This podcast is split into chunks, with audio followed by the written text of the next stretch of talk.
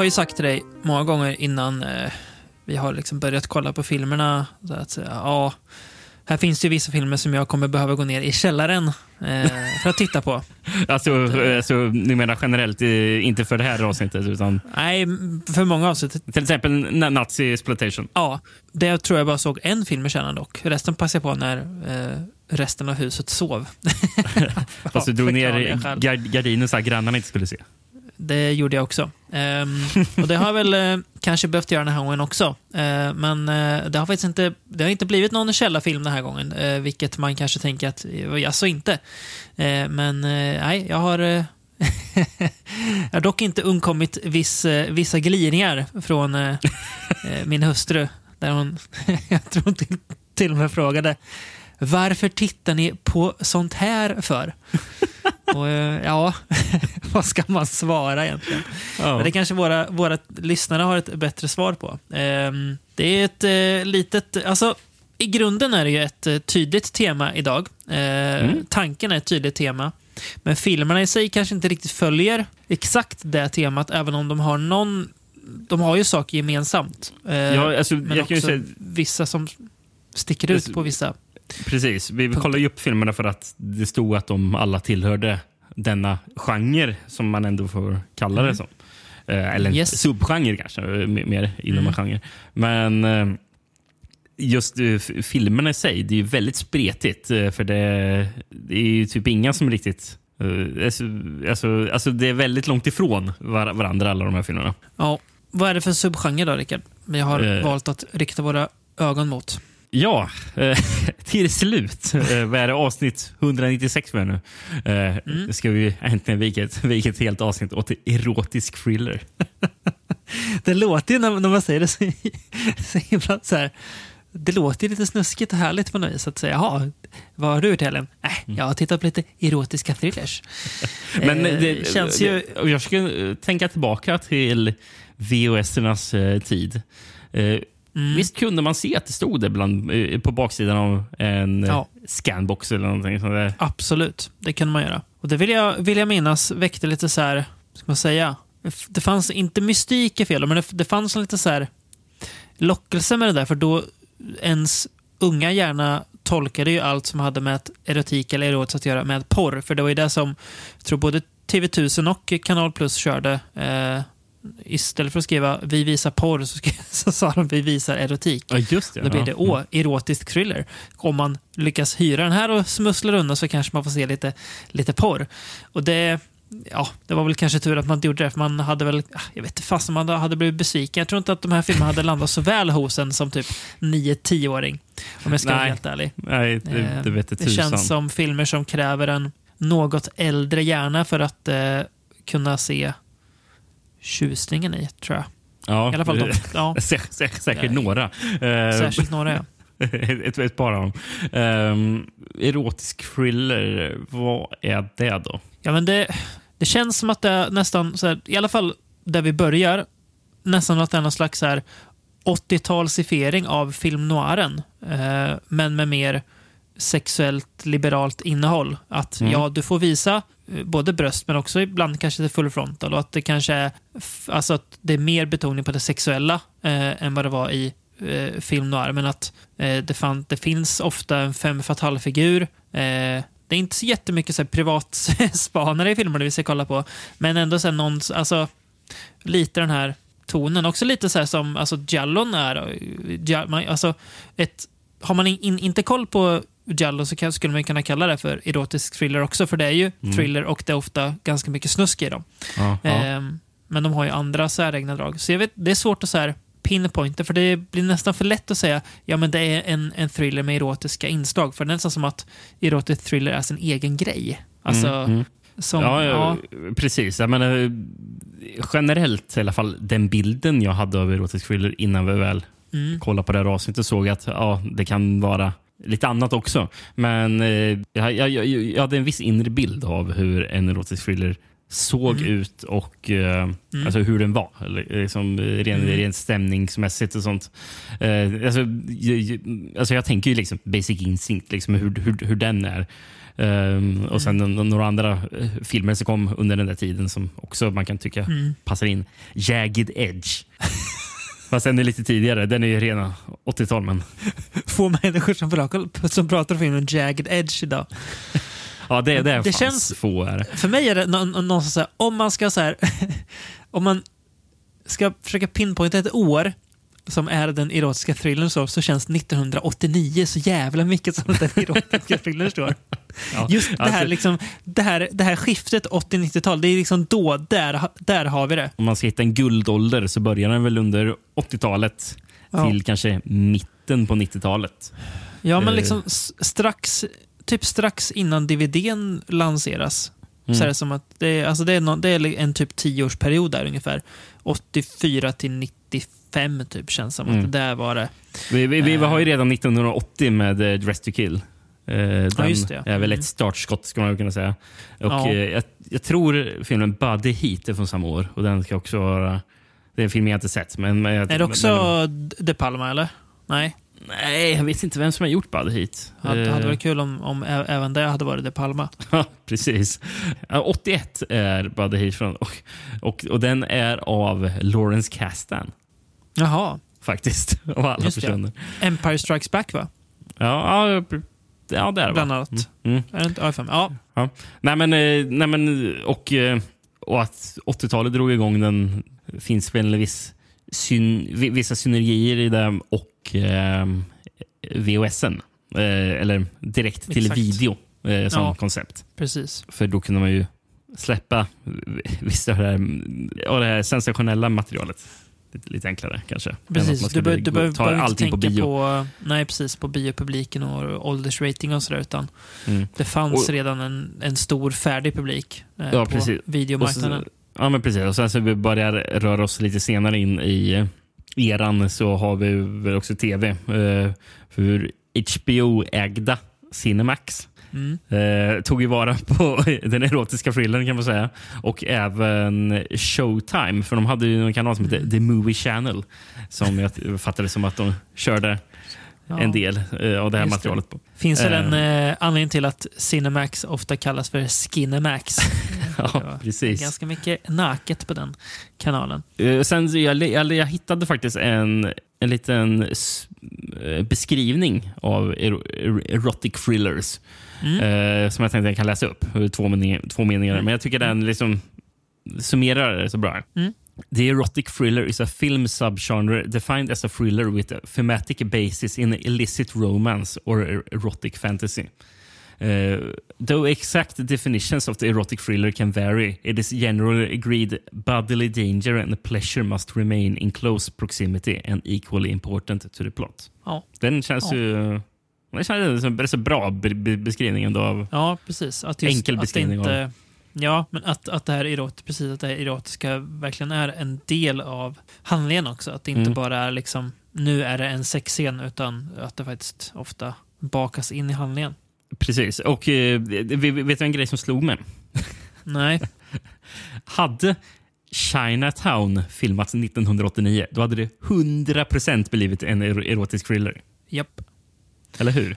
Ja, exakt. Men, uh, men kåt Jack Nicholson. Ja, Kanske han är originalet också. Det var länge sedan jag såg den. Jag minns, inte. Han, är, han är inte lika kåt som många av de eh, karaktärer vi ska prata om idag. Det är han inte. Nej, Men det var nej, länge sedan jag såg Chinatown också. Så ja. eh, minnet kan svika mig.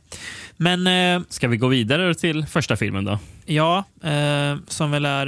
Eh, den är ju ganska kåt. Det är inte, inte den kåtaste filmen idag.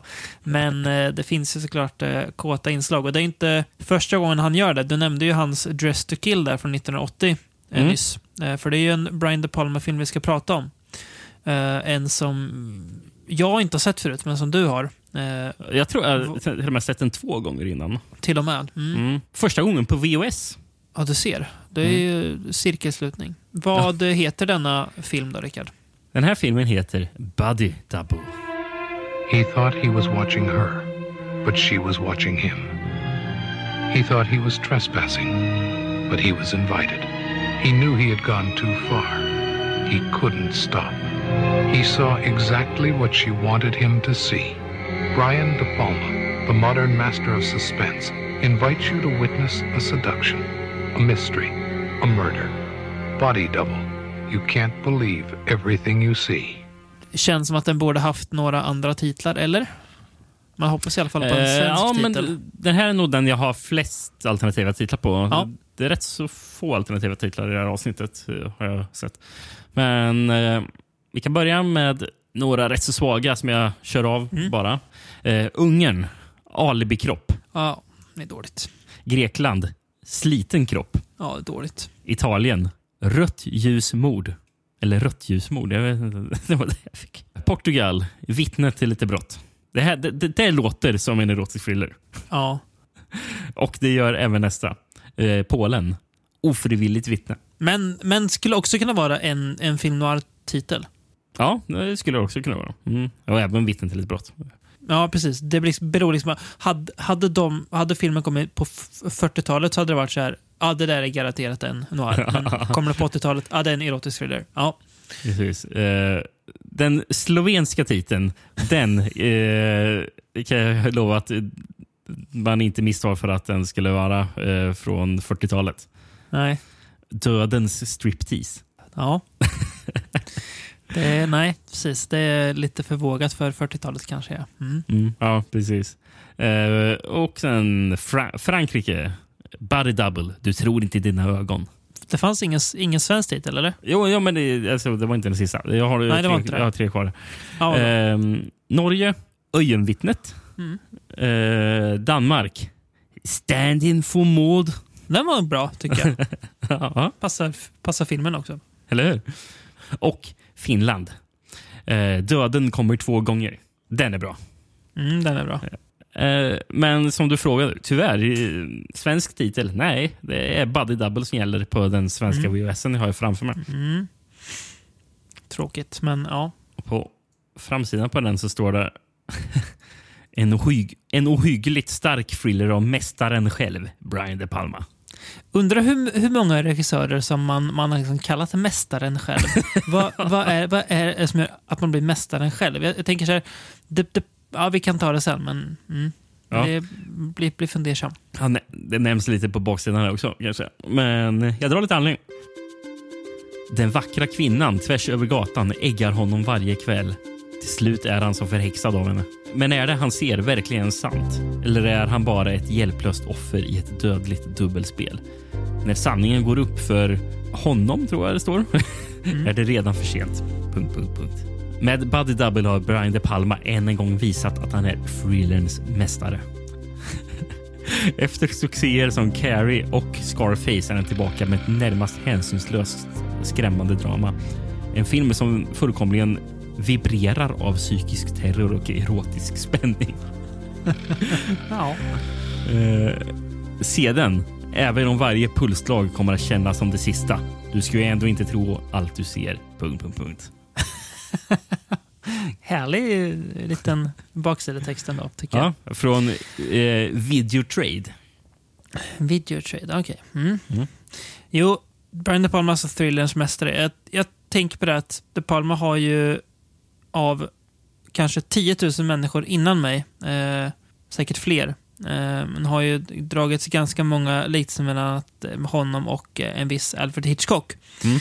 Eh, som väl också säkert, eh, han skulle man väl kanske kunna kalla någon slags mästare. Jag vet inte. Ja, det får man väl säga. Ja, kan man kalla De Palma för det? Alltså jag gillar De Palma. Jag tycker han är, det inte alltid bra, men alltid någonstans intressant regissör för att han Mm. är den han är. Men mästare, ja, ja jag vet inte. Det kanske saknas lite där, men jag tycker det är kul epitet bara. Att Ja. nu är liksom 80-talets Hi- Hitchcock här, då, då, då blir han thrillerns mästare. Å andra sidan kanske inte fanns någon under 80-talet som var mer lämpad för det, eh, den titeln heller. Så att eh, det kan han väl få. Nej, jag vet inte vem det annars skulle vara där.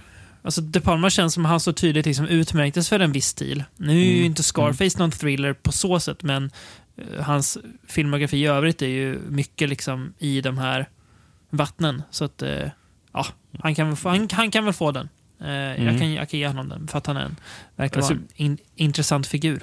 Alltså det är förresten konstigt. Var, varje gång jag ser att eh, det står att Scarface är från 83 så tror jag det knappt. För det, det känns så sent 80-tal tycker jag på något sätt. Eh, Ja, jag håller med. Typ Det- 87 det- det- känns det som. Eller någonting. ja, det, det, den känns inte som att den är 83 redan. Det, jag blir överraskad varje gång jag ser Ja, jag det. vet. Mm, ja. ja, det känns, känns för tidigt. Men eh, ja, nog om eh, hans sida cred. Body Double då. Ehm, Mm. Det är ju alltså, en annan sak som 10 000 människor har sagt innan mig. Men om det är något De Palme, det han kanske är bäst på, eh, som han kanske är ganska svårslagen på i eh, av många andra som liksom var aktiva samtidigt som han. Han är ju, han har ju ett otroligt öga och fingertoppskänsla för det visuella och Mm. hur liksom, också hur musik ska samspela med det visuella. Där är det ju liksom så här, men lite...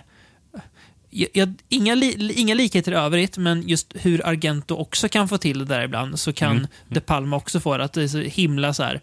Ja, men alltså, han är ju stilmedveten verkligen på samma sätt som Exakt. eh, Argento skulle man väl Ja. Utan att det känns... Eh, det känns inte sökt heller, utan det känns så himla så här... Det, det känns så tydligt De Palma också. Alltså verkligen det här eh, auteur-grejen att ja, det, här, det här är en De- Palma-film. Eh, Mm. det, det sticker ut så mycket att det finns liksom ingen annan som... Eller ja, visst, folk skulle väl kunna göra såna här filmer, men då skulle, då skulle det nog kännas, tror jag, som en knock-off. För att de har inte hans eh, hantverks... Liksom, skicklighet som han ju Precis. onekligen har. Ja, men eh, visst känns det... Har man inte kanske till och med hört det? Eller är, är De Palma... mm, Han, han kan kanske uppskatta Argentos filmer. Det känns Det som att jag. han hade koll på det. Ja, det, det tror jag absolut han hade. Om, det alltså, om inte annat för att om De Palma var liksom sin tids Hitchcock så var ju Argento var ju Italiens Hitchcock, har ju han blivit Mm. kallad för.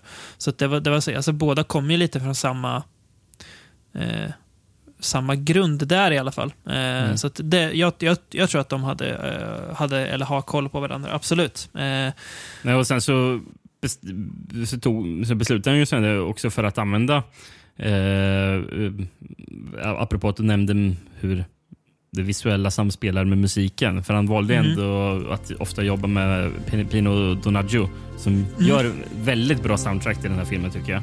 ja. Eh, och Pino Donaggio har jobbat väldigt mycket i just Italien också. Gjort Ja. eh, mycket genrefilm där. Jag menar det. Så- Så det, det finns ju någon slags... Men det finns ett ganska tydligt eh, samröre i alla fall alltså, i hur filmen känns.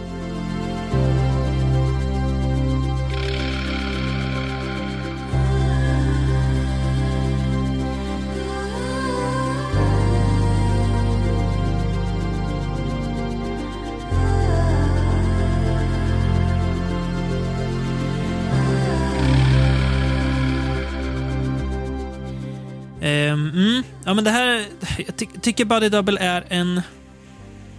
Alltså, för mig är det mer en intressant film och jäkligt trevlig att titta på film än en hela tiden bra film. Eh, jag, jag tycker det finns mycket godis här. Eh, dels så kan man ju se Hitchcock-inslagen, men jag tycker också det finns ganska mycket så här Giallo. Alltså man kan se drag av, av det också. Att, eh, om, om någon hade gjort en amerikansk Giallo så, Så hade det sett ut, så. Ja, ja, precis. Och det, det, det ha- hade varit eh, De Palma. An- Annars hade det blivit något så här Mm.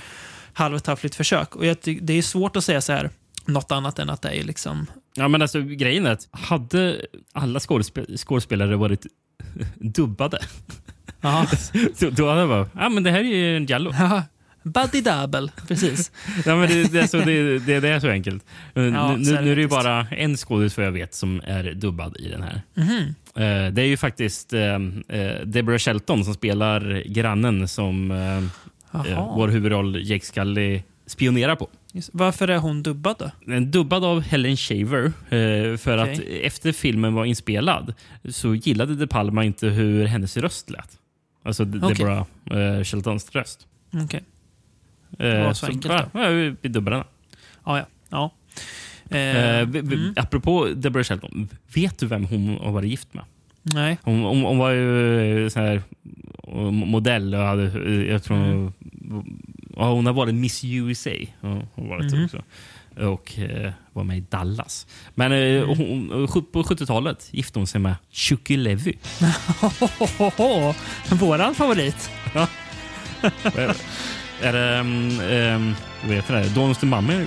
Ja, och eh, Fatal Games. Just det. Just det. Mm. En dunderlåt Ehm. till båda dem.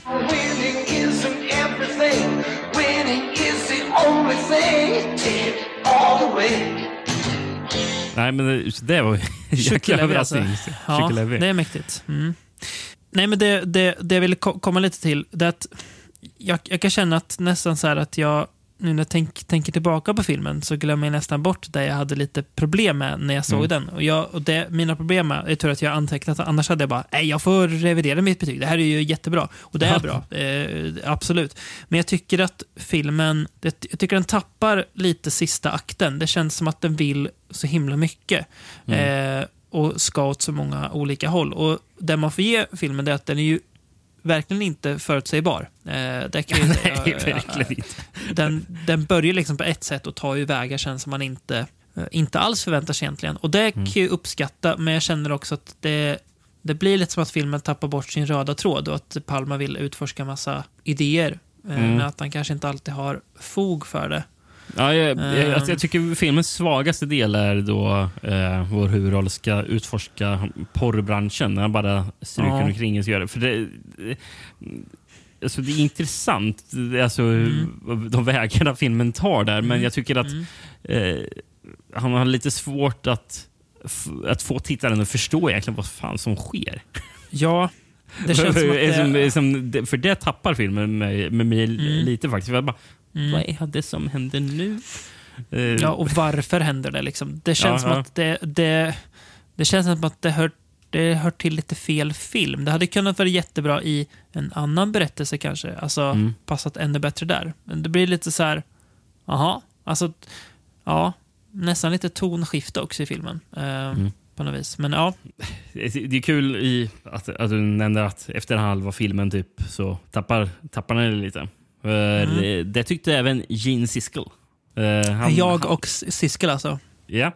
Eh, nej, men han, han, han, han, sa att när borren dyker upp i filmen, då, då, då, tapp, då, liksom, eh, eh, då tyckte han att, det, att filmen blev cartoonish. eller. Så han, han, han, han, han gillade inte eh, ja, de vägarna filmen tog där. Men han, var, han var inne i det där. Eh, Roger, Roger Ebert försvarade den mer, så det fick en, en tumme ner och en tumme upp. Okej. Roger Ebert känns som att han gillade De Palma.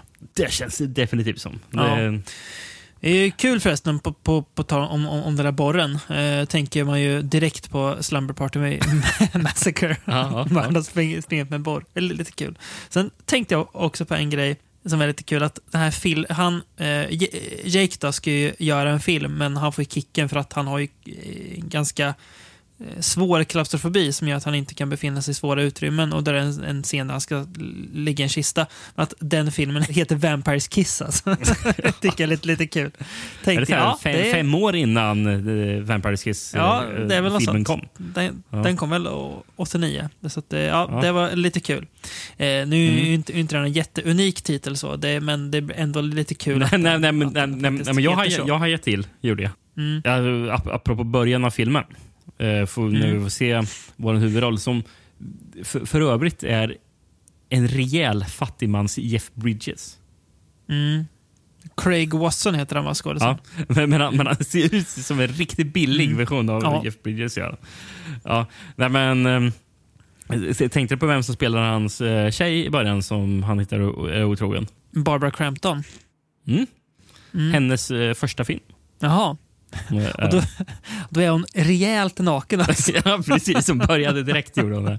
Hon är inte med, hon är inte med i, jättemycket, men eh, hon gör ett, eh, hon gör väl ett intryck, kan man säga. Jag vet Ja, inte, Jaha, det, där dök Barbara Crampton upp och där var hon borta. Okej, ja. ja, ja. Ja, Ja, men, ja, det var kul. jag läste att hennes första skådisroll eh, var, Mm. var 83 dock, eh, på tv. Okej. Mm. V- v- vet du om hon började vara med? Nej. Jag hade ingen aning om. Hon har varit med i 83 avsnitt av Våra bästa år.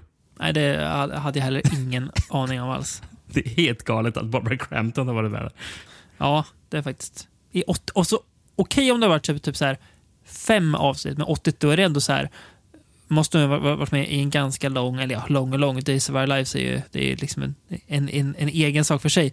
Men ändå, Det var liksom under loppet av tre månader eller någonting. ja precis, i alla fall en liksom story arc måste hon varit, varit, varit med i då. Ja, ja, ja precis. Och, och, och inte bara dykt upp som en liten karaktär, utan i alla fall liksom haft en, en ganska, eh, eller ja, delvis viktig roll. Ja, kul. Eh, sen, sen gillar jag, jag, jag gillar ju kemin eh, mellan Fattigmans Jeff Bridges och Greg Henry, särskilt i början. Det känns som att de hittar varandra väldigt snabbt och funkar väldigt bra ihop. De är ganska mm. härliga att uh, titta på. Jag tycker Greg Henry är supercharmig. Ja, eh, det är han. han. Han, han. försvinner ju sen, för det är ju det är hans hus då som Jake eh, hyr, eller, bara för, eller får bara ja, husvakt till bara. Så han ja, precis. hyr inte ens. Nej. Jag tänkte jag hittade en kul grej på Jeff, eller Greg Henry. Um, Jeff Bridges. Väl... kul att läsa på det sättet. Dra. Jeff Bridges trivia. Jag hittade ingen, ingen trivia på Craig Wasson, så jag, jag tog lite, lite trivia på Jeff Bridges oh, istället. Jag, jag, jag, kan börja med Craig Wasson, Wasson för jag hittade. Mm. För, Uh, andra filmer vi sett Craig Wasson i. Uh, mm. Han uh, spelar läkare i Nightmare on Elm Street 3. Ah, okay. Mm. Och i Rollercoaster dyker han upp som i, i rollen Hippie Boy. Alltså, det är så, alltså den här filmen åt den, det är liksom så här, den, den, bara kommer och kommer. Så här. Var, var, var tredje avsnitt så är det någon som gjort någonting i Rollercoaster. Det är helt sjukt. Vi, borde, vi borde täckt hela eh, dess cast snart. Liksom. Det, men det, det är så fascinerande tycker jag att vi, liksom, vi såg en så här halv-semi-obskyr katastroffilm för länge sedan. Men den, den, den, den försvinner all, aldrig. Den liksom kommer tillbaka hela tiden i form av han, han dök upp där och han dök upp där och den gjorde musik till den. Och, det måste vara typ den filmen som har nämnts flest gånger i, i den här podden. Ja, det, det känns typ som att det är den som folk ofta säger, ja, det, han var med i Rollercoaster. Jaha, det var han ja. ja. Ja, det är härligt. Eh, uh, sen uh, Watson, vet han också har gjort väldigt mycket? Han uh, mycket uppläsare av ljudböcker. Jaha. Har du några exempel på någon? Alltså, så ja, ty tydligen så eh, har han läst in rätt så mycket Stephen King. Ja. Så om man lyssnar på ljudboken av 112263 så är det Craig Watson som läser den. Ja, Okej, okay. och den är ändå ganska, alltså ny, alltså ändå en mm. modern King-roman, inte en hans liksom, gamla. Okej, okay, vad kul. Sen har jag även läst in lite eh, James Elroy och John Grisham. Jaha, ja. På tal om thrillers, ja. Rör sig i det ja. territoriet. Ja, vad kul. Greg Henry, som mm. känd i skräckvärlden i alla fall från Just before Dawn. Bland annat. Han är väl, Just det, det är, ja. han, är, han är väl en av ungdomarna. Uh, eller ungdomar. Eller de är väl... Ja, Typ young adult ja, det, ja, ja, precis. Eller, eller young adult, det är ju fel. Det, det, det är han inte. Han är ju äldre än ja, young Nej. Ja, precis. Young, young middle age kan man säga. young middle age. ja. Han är med i James Gunns eh, Slither också, va? Är han inte det? Ja, det kan, kan han vara. Han har ändå varit med en del. Ja. Uh, och rätt, mycket De Palma-filmer. Uh, nej men jag kollar, han, han är ju även sångare och pianist och har släppt en skiva givetvis. Klart han har. Det ska ju du få höra lite från. Här. Det är också väldigt vanligt att, att folk har pysslat lite med musik. Otroligt vanligt. She was no rookie And I've been round the block We both came with baggage We kept it tightly locked early in the whirlwind, but you pulled out all the stops. All the only you forevers know the way love talks. Said you never met a guy like me, she never felt this way before. Said you never love another goes to show you never know. Cause all the nevers never happened. And forever's gone for good. Där har vi lite från All the Nevers med Greg Lee Henry. Då. det är lite trevligt tycker jag. Ja, pianoballader. Varenda låt på skivan verkar bara vara piano och hans röst. Jag fattar det som. Mm. Det är trevligt. Um, uh, sen, mm. en skådis som man också måste nämna som, som man gillar, som dyker upp här i filmen, det är ju Dennis Frans som spelar regissören till uh, filmen Vampire's Kiss. Ja, just det. Mm. Han är um, inte så ehm. jättesympatisk karaktär i den här hela tiden. Ah, men, uh, han, nej, Men, men, men, men, man gillar ju honom. Eh, vad, vad är det han är mest känd från nu? Eh, är det Drar du något jätte... NYPD Blue? Ja, just det. Eller På spaning i. New York? Ja. Serie jag har sett noll av- avsnitt av, är jag ganska Ja. säker på. Ja, men du vet ju mycket väl vem, Ja, vilken serie jag det vet. är. Jag vet. Ehm, och det var väl det sista han gjorde också. Eh, han, han la av sen. Jag vet inte Mm. vad han gör numera. Uh, för jag tror att han lever. Uh, Dennis Franz. Eh, men nej, för det står att den pågick från 93 till 2005. Men sista filmen han gjorde var 98. Så, eh, så han, han, han, han hade sju år där han bara gjorde På spaning i New York. Ehm, Gött. Ehm, och, och, år 2000 var med en grej. Det står music video. För han spelar Earl i musikvideon till Dixie Chicks låt Goodbye Earl. Otroligt. Några mer positiva grejer som jag tog med mig från filmen. Mm. Yes. Eh, eh, du var inne tidigare på eh, De Palmas öga. Och Mm. eh, Jag vet inte vem som eh, bär mest ansvar för det, men det ögat som personen hade... Alltså, alltså shout-out till den som jobbar som location scout till filmen. Mm. För det är otroligt häftiga miljöer Ja. eh, som många av scenerna är filmade i. Ehm, till exempel det här huset han eh, är husvakt till. Eh, det jag, kollade upp det och det är ju något så här ultramodernt hus eh, som kallas för The Chemosphere. eh, som Ja, ligger okej. någonstans i Hollywood Hills. Ehm, Mm. det står the, the building was once described by En- Encyclopedia Britannica as the most modern home built in the world. Undrar, vad, undrar vad, som def, vad som definierar att det är så modernt då? Det, det är bara designen. Men det ser, det, ser- ja, det ser väldigt dyrt ut. Ja, det, det det Extremt verkligen. dyrt ut gör det. Ja. Men ja, det, jag håller med. Det är jävligt häftiga miljöer. Scenen i köpcentret där han eh, följer Mm. efter eh, hon, hon den här tjejen. Det, det, det, Grannen, ja. det är också jättecoola miljöer. Är det. Mm. Ehm, och Sen så följer jag ner henne till stranden och då, då, är det- någon slags strandhotell eller strandlägenheter där också som också är så här jättekonstig eller frän arkitektur på. De verkar ha jobbat stenhårt på att allting ska se riktigt spännande ut. Och eh, sen, sen så ko- kollar jag i den här nattklubben som är eh, då det är någon porrfilm han ska vara med i eller vad, vad det nu är. Eh, som är, det är li- lite förvirrande egentligen vad som sker. När han träffar uh, Mel uh, Melanie Griffith första gången. Precis. Eh, vet du vem som är med i den scenen också? Nej. Brinky Stevens från Slumber Party Massacre. Jaha, du ser. Du ser. Slumber Party Massacre är en del av denna film. Precis. Nej, men eh, den nattklubben de är i, Mm. eh, så eh, där Relax av Frankie Goes to Hollywood dånar Just det. över hela den scenen också. Jag ty- tycker det fungerar bra till den scenen. Relax,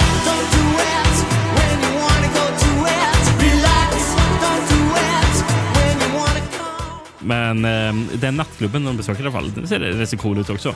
Det, det är samma nattklubb som de använder i Fright Night. Jaha, där han, just det, där eh, Jerry Danridge raggar upp eh, hans tjej, ja. Charlie Brewsters tjej. Mm. Precis. Jaha, okej. det, det är samma klubb som är Buddy Double. Mhm.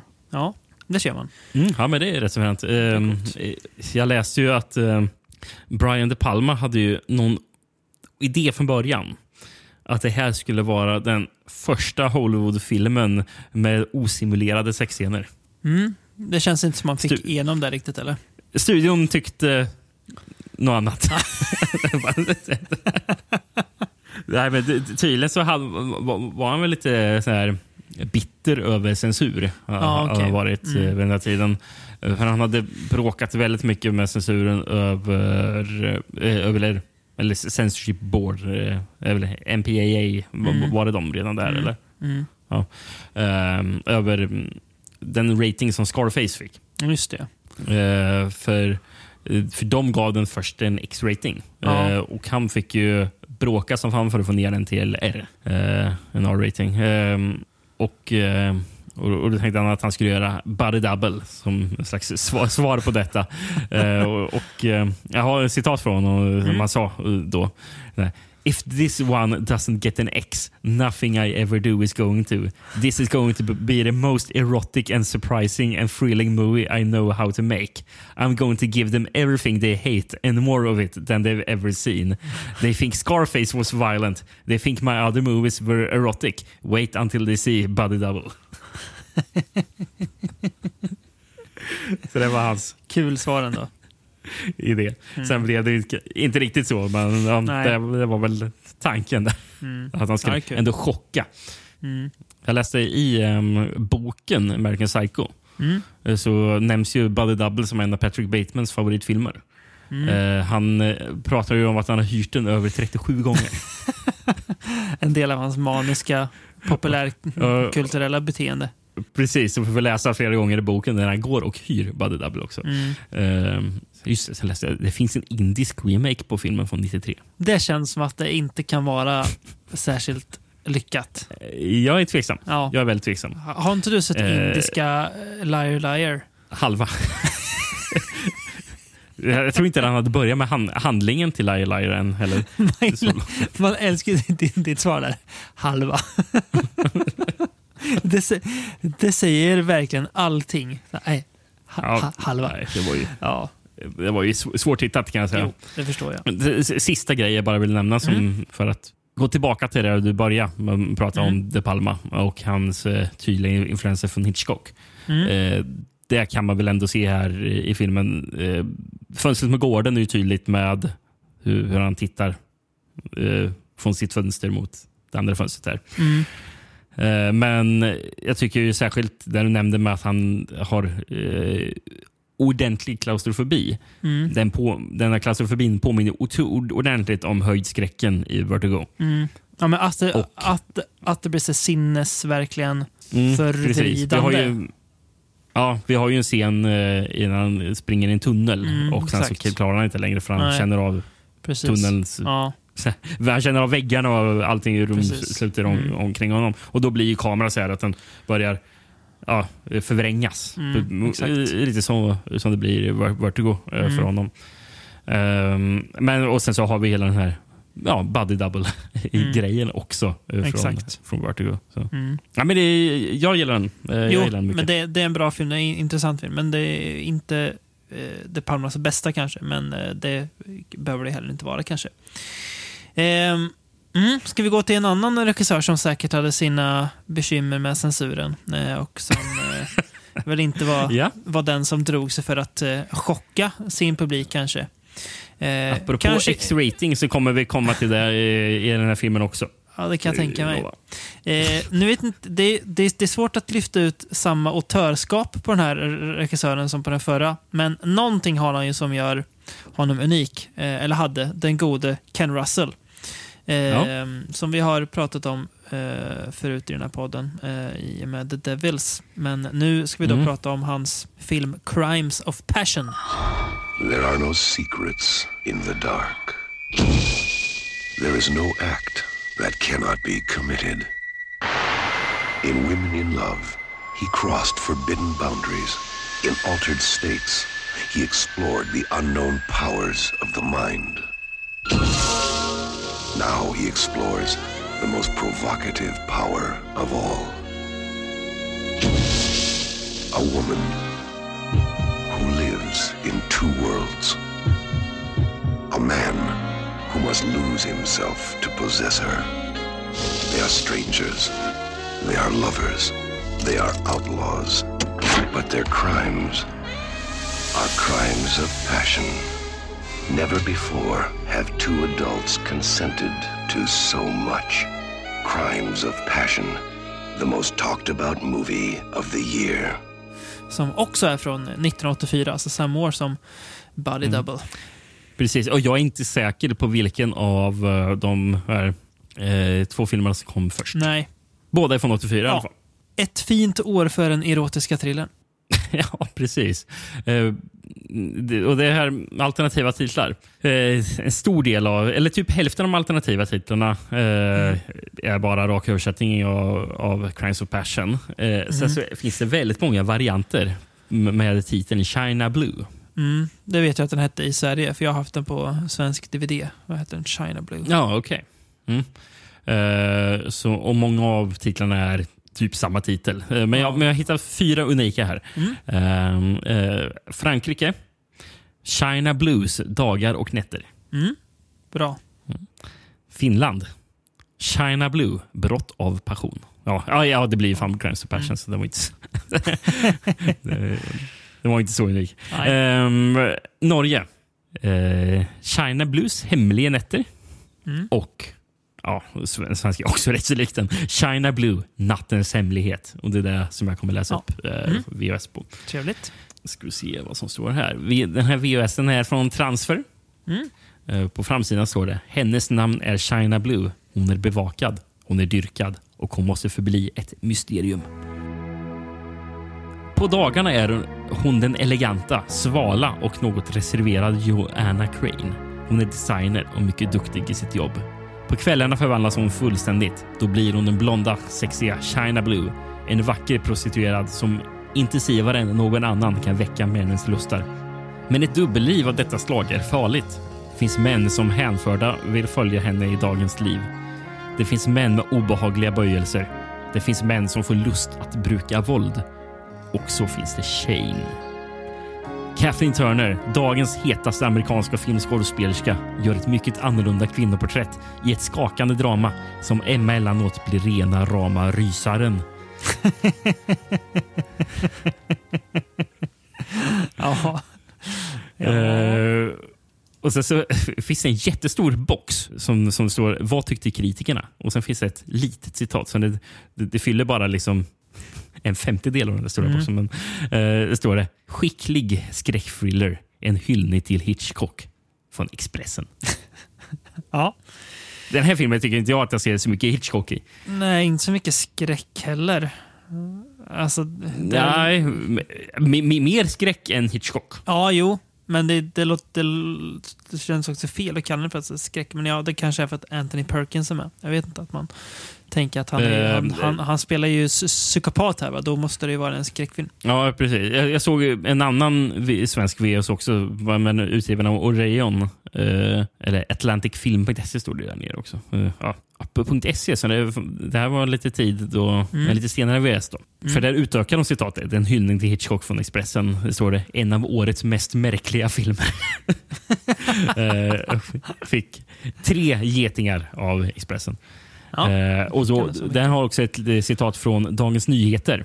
Mm. Eh, där det står ehm, Ken Russell är andlöst fräck och satanisk. Ja, det tycker jag att han ju var. Absolut, den gode Ken. Ja.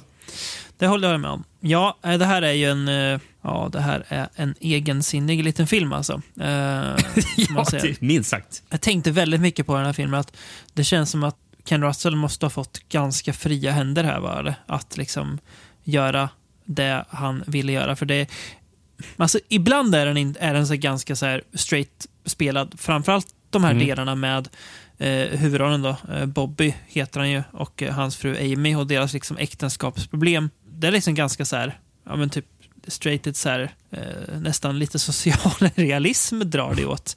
Eh, Ja, ja. Men sen så är det liksom så här, ja, men det, det duger inte, utan nu ska vi ha en hipp, ganska så här, hon ser ju väldigt pryd ut, designer som på kväll, som på natten blir en, en lyxprostituerad som liksom, eh, så här, jaha, hur ska det hänga ihop? Och det gör det ju sen. Eh, och men det som också kryddar den här filmen, det är ju att han har ju då hyrt in ärkehärliga galningen Rick Wakeman att göra mu- musiken. Och Rick Wakeman kan ju inte heller ha fått jättemånga tyglar. Och han har ju inte tyglat sin gitarr, för jävla vad den, den ylar här, hans e- e- elgitarr. det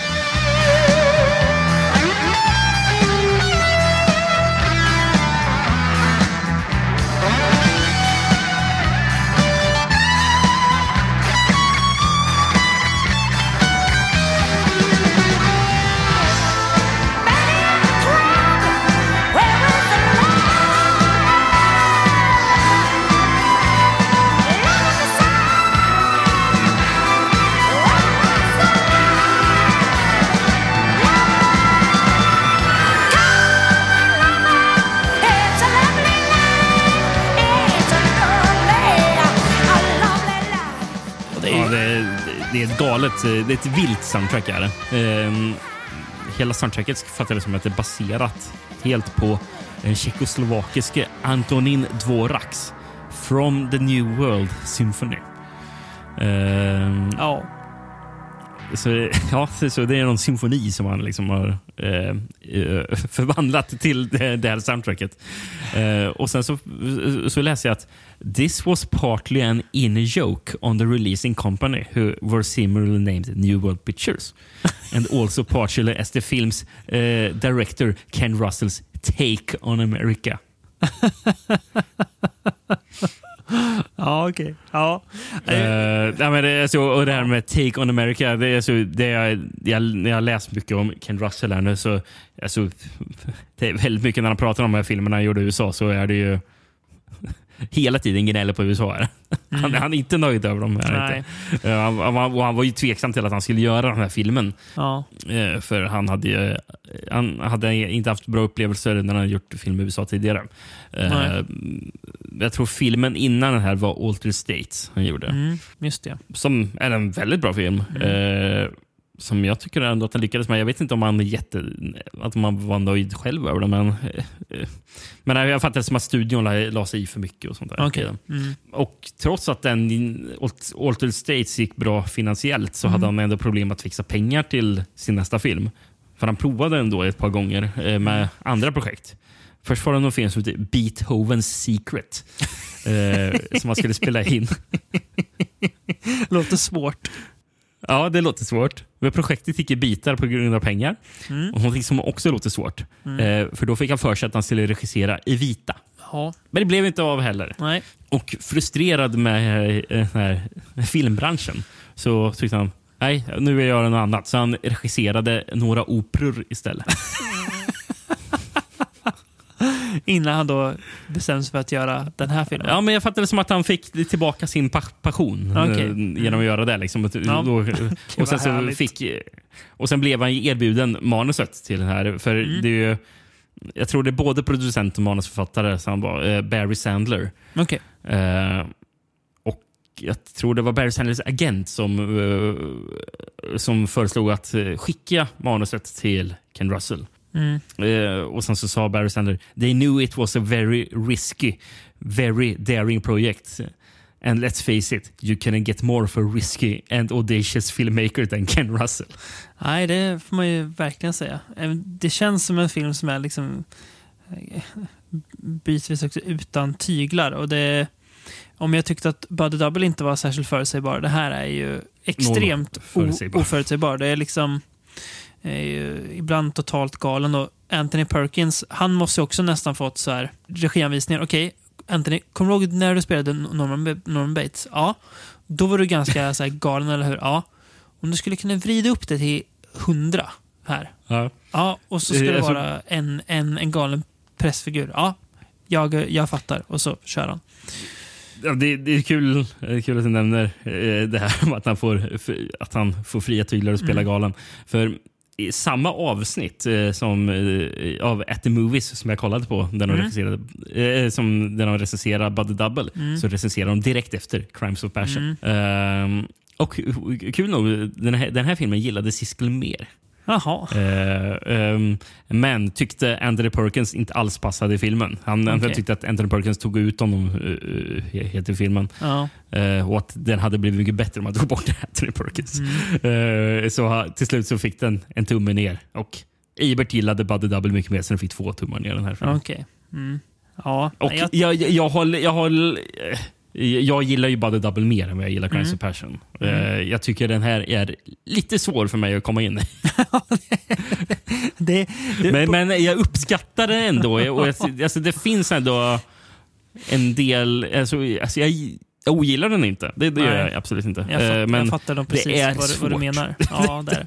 På tal om det vi sa i början, att vissa filmer hade man nog inte uppskattat som 9-10-åring. Den här filmen hade varit omöjlig då. Den här är ju, eh, och det är inte för att den är, alltså, i sig är svårdebatt. Den är så himla så här, svårfångad i så här, vad, den, vad den är på något vis. Den, den är liksom så himla mycket på en och samma gång. Ja. Eh, så att, ja, jag fattar precis vad du menar. Det blir, det blir en, en, Alltså- trös, en, en tröskel av ett ganska annorlunda slag. Det är ju inte- liksom inte samma tröskel som när man skulle se en, en tjeckisk film. Nu, nu gillar ju de tjeckiska filmerna, men det var ändå lite tröskel. Men här liksom, det är så här, mm. Sen är det ju, Ken Russell också är ju en regissör man gillar, men som man kanske inte nödvändigtvis slår på för att se något lite gött. Liksom. Fan. Nu vill jag se en lättsmälta dra på Ken Russell. Nej, det har nog ingen sagt. Eh, Precis. Nej, men eh, det är ju- så många konstiga grepp som används. Eh, vi har ju en sexscen där med Catherine Turner där man klipper in bilder på massor med här gamla japanska erotiska målningar under sexscenen. Vad fan som händer nu? Eh, sen har hon, alltså det är flera gånger under filmen som jag känner jag har inte epilepsi, eh, men jag skulle nog kunna få det att titta på filmen. För det, det, det, det är flera scener där bilden konstant eh, blinkar svart i intervaller. Det är bara, ja, nu blir det svart, nu blir det svart, nu blir det svart. Och, jag, och det är liksom bara, jag vet inte varför. Nej, inte jag heller. Nej, men det, är, det är en väldigt intressant film, en väldigt e, e, egen film. På, på tal om att vara kåt, den här filmen är ju superkåt. Alltså. Det, är, det näst, det nästan luktar kåthet om den. Och det är så här, På något sätt kan jag tycka att det, det funkar... Han lyckas ändå fånga det. Jag tycker att det funkar bra i när eh, Kathleen Turner och, eh, nu vet jag inte vad skådespelaren heter, men han som spelar Bobby i alla fall, när de träffar varandra. För där känns det faktiskt... Eh, John, John Laughlin. Så heter det, ja. Ehm, och kul nog, med, apropå att vi nämnde om det förra avsnittet, eh, eller inte förra avsnittet, förra filmen. Ja, jag tänkte att Jeff Bridges skulle spela den rollen, ja. Jaha, du ser. men de kom inte överens om lönen. Ah, Okej. Nej. Nej, men jag, Han, hans, hans tjej i filmen, det, det är väl Annie Potts som, eh, som eh, mest igenkänningsbar, i alla fall för mig, eh, som eh, re- recep- receptionisten Janine i Ghostbusters. är hon ju. ja, just det. Det ja. Mm. Hon nej. Ja, precis. Eh, Men i alla fall, jag, jag, jag tycker att den här passionen mellan eh, John McLa- McLaughlin och eh, Kenneth Turner är den går nästan att ta på. Den känns också ganska genuin faktiskt. Så där tycker jag han lyckas fånga någonting. Jag, tänk, jag tänkte nästan säga så här, var det inte Ken, Ken Russell som, som vill, ville ha autentiska sexscener? För undra fan om inte de, de här två låg med varandra eh, mellan, mellan tagningarna. Alltså, det, är en jävligt kåt film. Är det. Men det är, Ja, ja, men, den, är liksom, apropå, den, är, den, är, den är så dj- djurisk och ohämmad den här filmen på något vis. Men så här. Och sen håller jag med dig om att det, det, det är mycket den inte lyckas med också. Men ta mig tusan vad den försöker med mycket och bara, och bara kör. Ja, jag liksom. bara... Ja, ja precis. Han- Det känns som att det bryr sig. Han bara, nej men nu så kör vi på det här. Eh, tydligen, Kathleen Turner var ju tveksam eh, när Ken Russell kom med en idé om att Mm. hon skulle smeta yoghurt över läpparna för att det skulle eh, se ut som eh, sperma. Men hon gjorde det ändå. Mm. Ja, hon Men det eh, hon, hon, hon nekade när han eh, tyckte att eh, hon skulle eh, så här, svälja eh, ett ostron för att det skulle vara för, föreställa att hon svalde var, nej, nej, det går jag inte med på. Nej du Ken, nu är det nästan för likt porr här. Så nu, där, där, där, där får jag, nu, nu får jag säga ifrån. Ja, nej, men det är ju ändå intressant så så- att ett sånt namn ställer upp i en sån här film i den här rollen också. Ja, Eh, alltså jag har ju jätte... Alltså, Catherine Turner är ett ordentligt uh, blind spot för mig. Ja, det- jag har ju inte ett- sett, ett jag har inte sett man- den man vilda igen. jakten, eller Nej. Romancing the Stone som den heter. Och jag har inte sett Peggy Sue Got Married, som Nej. också är väl hennes mest kända jag heller. roller. Och Buddy Heat som hon är med förresten. Ja, du ser. Eh, som också den som är en av hennes största roller. Mm. Det, alltså, det jag känner igen Kathleen Turner från, det är Mm. Dr. Referrers dilemma. Ja, just det. Hon är ju hans eh, stora kärlek där. Va? Eller Referrer, eller hur man uttalar det. Ja. Dr. Furrier, it's off her. I'm sorry. That's all right. A lot of people mispronounce it, but it sounds just the way it's spelled. H-F, U-H-R, U-H-U-R-R. Off her. The man with two brains, som det väl egentligen Ja, heter. egentligen heter precis. Den, den svenska titeln är ju inte så bra. Vet du Ap- ap- ap- på? Apropå svåra titlar att gå, gå till bion med. Jag, skulle vilja se två biljetter till Dr. Dilemma. På, tänka på, på tal om Steve Martin-filmer. Helt obegripligt att filmen My Blue Heaven fick titeln Lär den FBI-agent att dansa marengo? Just hade du, hade du på VHS va? Ja, som du, du, du jag såg. Den var fruktansvärd vill jag minnas. Ja, den- ja, den var ingen höjdare. Det var inte den bästa Steve Martin-filmen jag sett.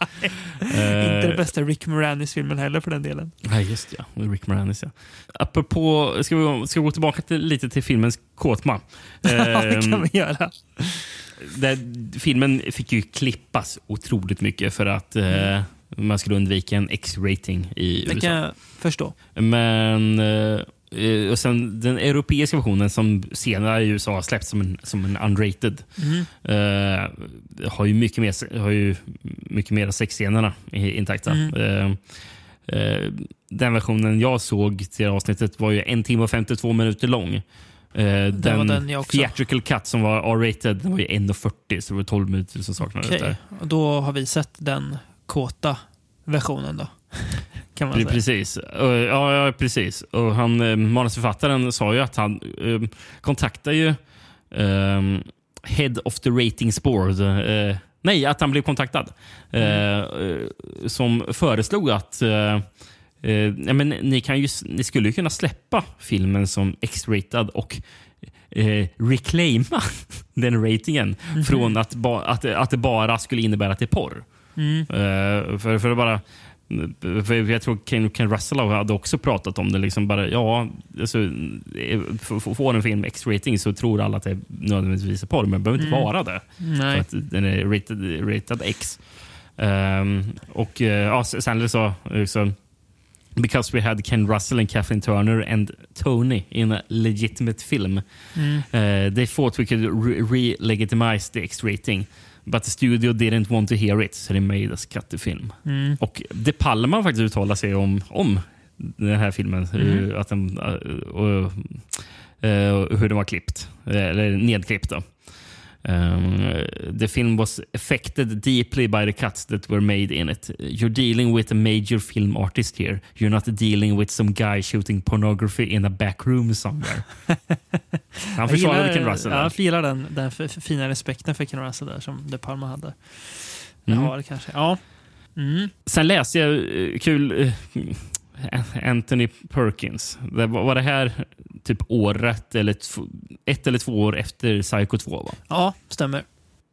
Uh, nej, jag läste någonting att eh, enligt Kathleen Turner så uh, före varje tagning så sniffade Anthony Perkins något form av nitrat. Anthony Perkins would sniff a form of nitrate before each take. Vad var det nu?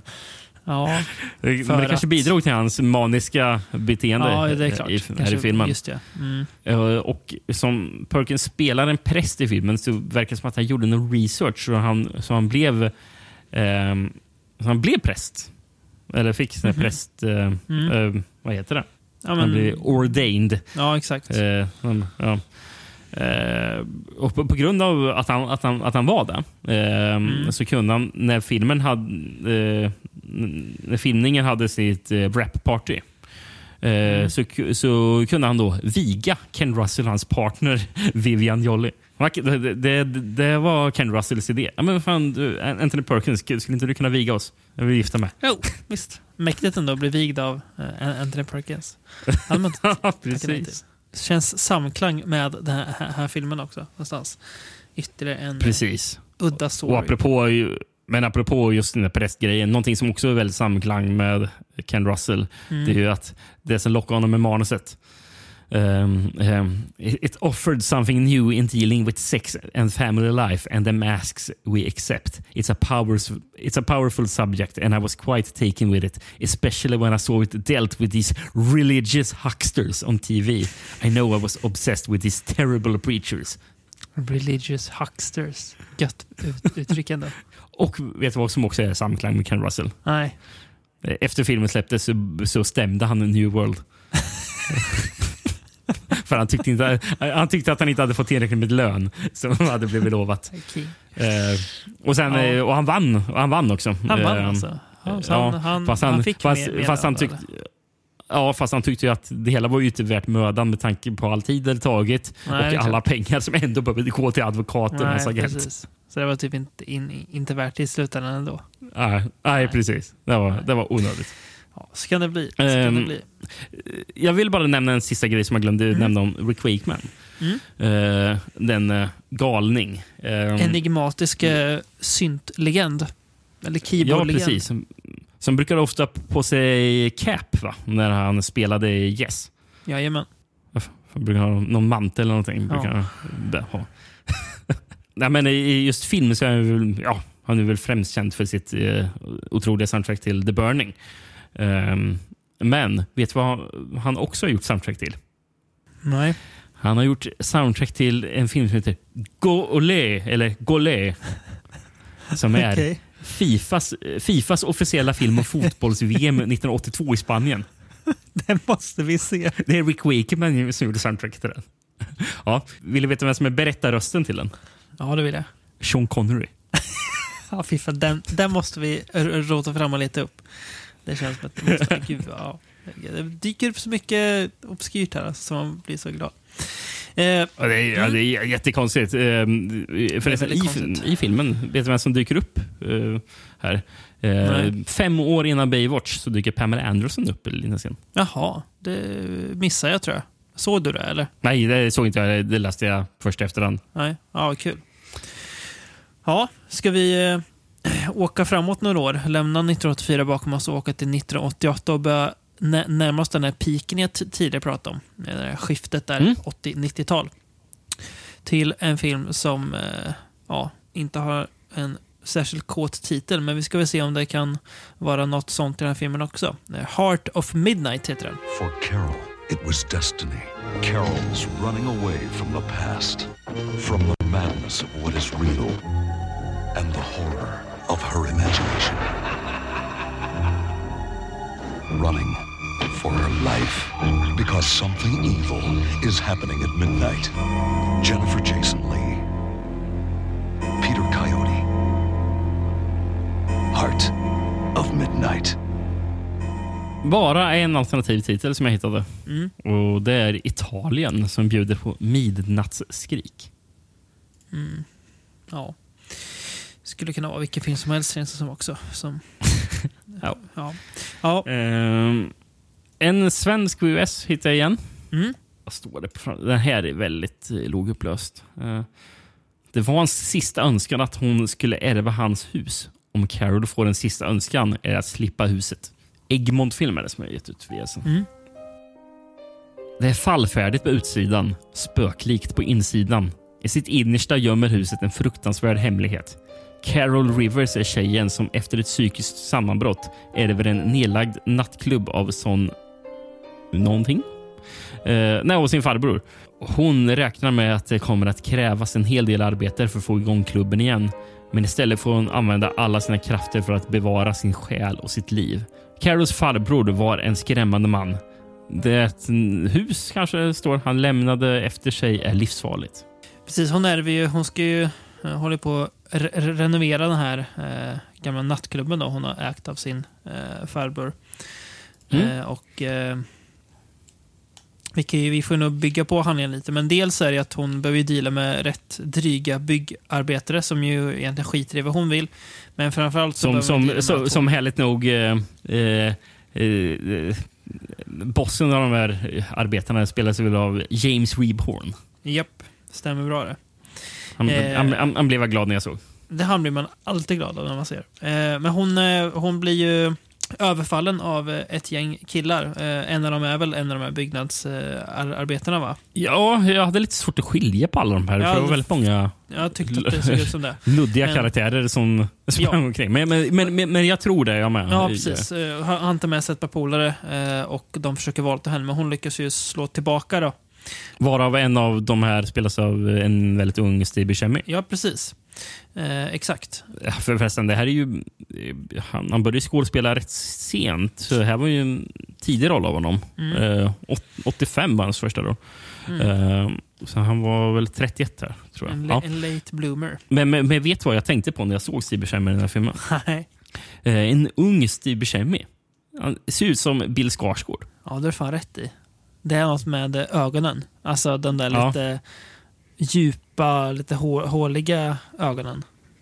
Ja. Ja, det Ja, men det, det, det, slog mig här. Vad fan, det ser ut som Bill Skarsgård. Mm, mm. Ja, det, ja, jag har inte tänkt på det, men nu, nu när du säger det så känns det ganska självklart faktiskt. Ja, den här filmen då är ju...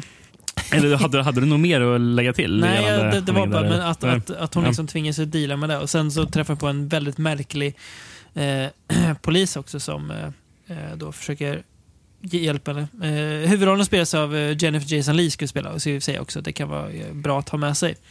Mm. Eh, som jag har gjort lite allt möjligt. Men, eh, Väldigt, eh, väldigt bra Jennifer Ja, Jason Leigh. Hon är bra. Hon Man är gillar bra. ju, bara gillar ju alltid Ja, henne. hon är alltid bra. Eh, men eh, våran eh, favorit Stallone dyker upp också. Det är ju inte Sylvester Stallone, utan det är ju Frank Stallone, hans bror. Som ju ser ut som en... eh, Alltså, han, han, han ser ut som sin, sin brors stunt double typ. så han ser ut som någon, någon, någon som är lik Sylvester Stallone och liksom lever på det. Ja. Eh, och det är rimligt. Ja, men- det, ja, men det har något så här. Jag har ju sett Ja, honom men, igen, jag, jag, jag, men fan, han, är, han, är, härlig. Han är ganska härlig. Eh. Eh, men ja, precis. Minns du tv-serien Movie Stars med Harry Hamlin i huvudrollen? alltså.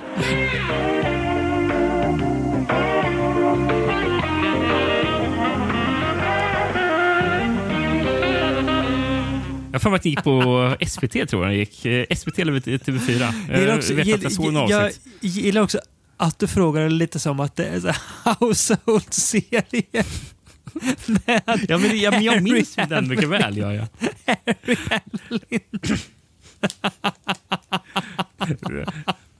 men, men, men, vet du varför man minns den så, så väl? Jag har ingen aning. Det är, det är inte på grund av Harry Hamlin.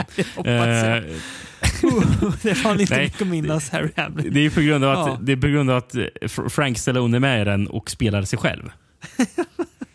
Lite som... För- för han är- eh, För, för, för, han är, för han är med i en trio av karaktär, karaktärer. för det, är han, det är han, Frank Stell, alltså det är han, eh, Joey Travolta och Don Swayze. som alla tre spelar sig själva. jag visste inte att de där andra två fanns. Men, Det är jo, men, do, det- men det är do- nästa Don Swayze har du sett, det vet jag. Det, det. Det, är nästan så att, att en bild på de tre får bli av, avsnittsbilden även om det inte har något med avsnittet att göra. Skulle fan fixa det. Alltså. Joey Travolta låter som ett låtsasnamn. Ja, Jag, hade, ju- herregud. jag vet inte varför jag fått för mig det. Jag hade fått för mig att eh, Don Swayze var med i eh, Tremors. Eh, roligt nog när jag, när, jag, när jag dock söker på det. eh, när jag söker Ja. på Tremors på hans IMDB-sida. Får jag fram. Han, han är med i ett avsnitt av Tremors tv-serien dock. Men det kan inte vara därför. Jag, det måste vara bara ren slump att han var med. Ja, det måste det faktiskt vara. Ja, men det, man har sett. Jag lovar, man har, man har sett Don, Don Swayze. grejer. Jäv, jävel, vad, jävel vad suger mig på tv-serien Movie Stars.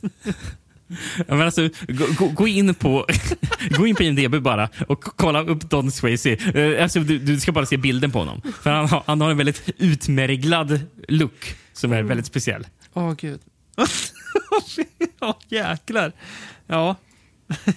han, ser ju, han ser ju härjad ut. Ja, ja, det- gör han. Han har härjad look. Eh, Han är ju med i ett avsnitt av It's Always Sunny in Philadelphia, vet jag. Eh, Han eh, är en båtägare som har att göra med. Ja, ja han, han ser ut som en It's Always Sunny in Philadelphia-karaktär. We're gonna set sail soon, and we're gonna have a couple of tasty treats out there on open ocean, right? Any, anything can happen out there. No laws, right, boy? Just us and our tasty treats. Okay, that was an implication, right? That was definitely the implication. Tasty treats? Are we the tasty We're the tasty treats in this scenario. Yes, we're the tasty treats. They're gonna take us out into the open ocean. They're gonna have their way with us, Mac. We gotta get the hell out of here. Han har också spelat eh, Jesse James i ett avsnitt av Lewis and Clark. Jag såg det. Men bara för att sätta... sätta Åh, gud. för att kny, Travolta. knyta ihop, bara för att knyta ihop den här väldigt märkliga, eh, sid, väldigt märkliga sidospåret. Alltså, då, måste Ehm. jag, då måste jag lägga bort Movie Stars. Ja, Men det du ska göra, du ska stå på Ja. så du får höra eh, en låt av Frank Stallone. För Frank Stallone har spelat en hel del musik.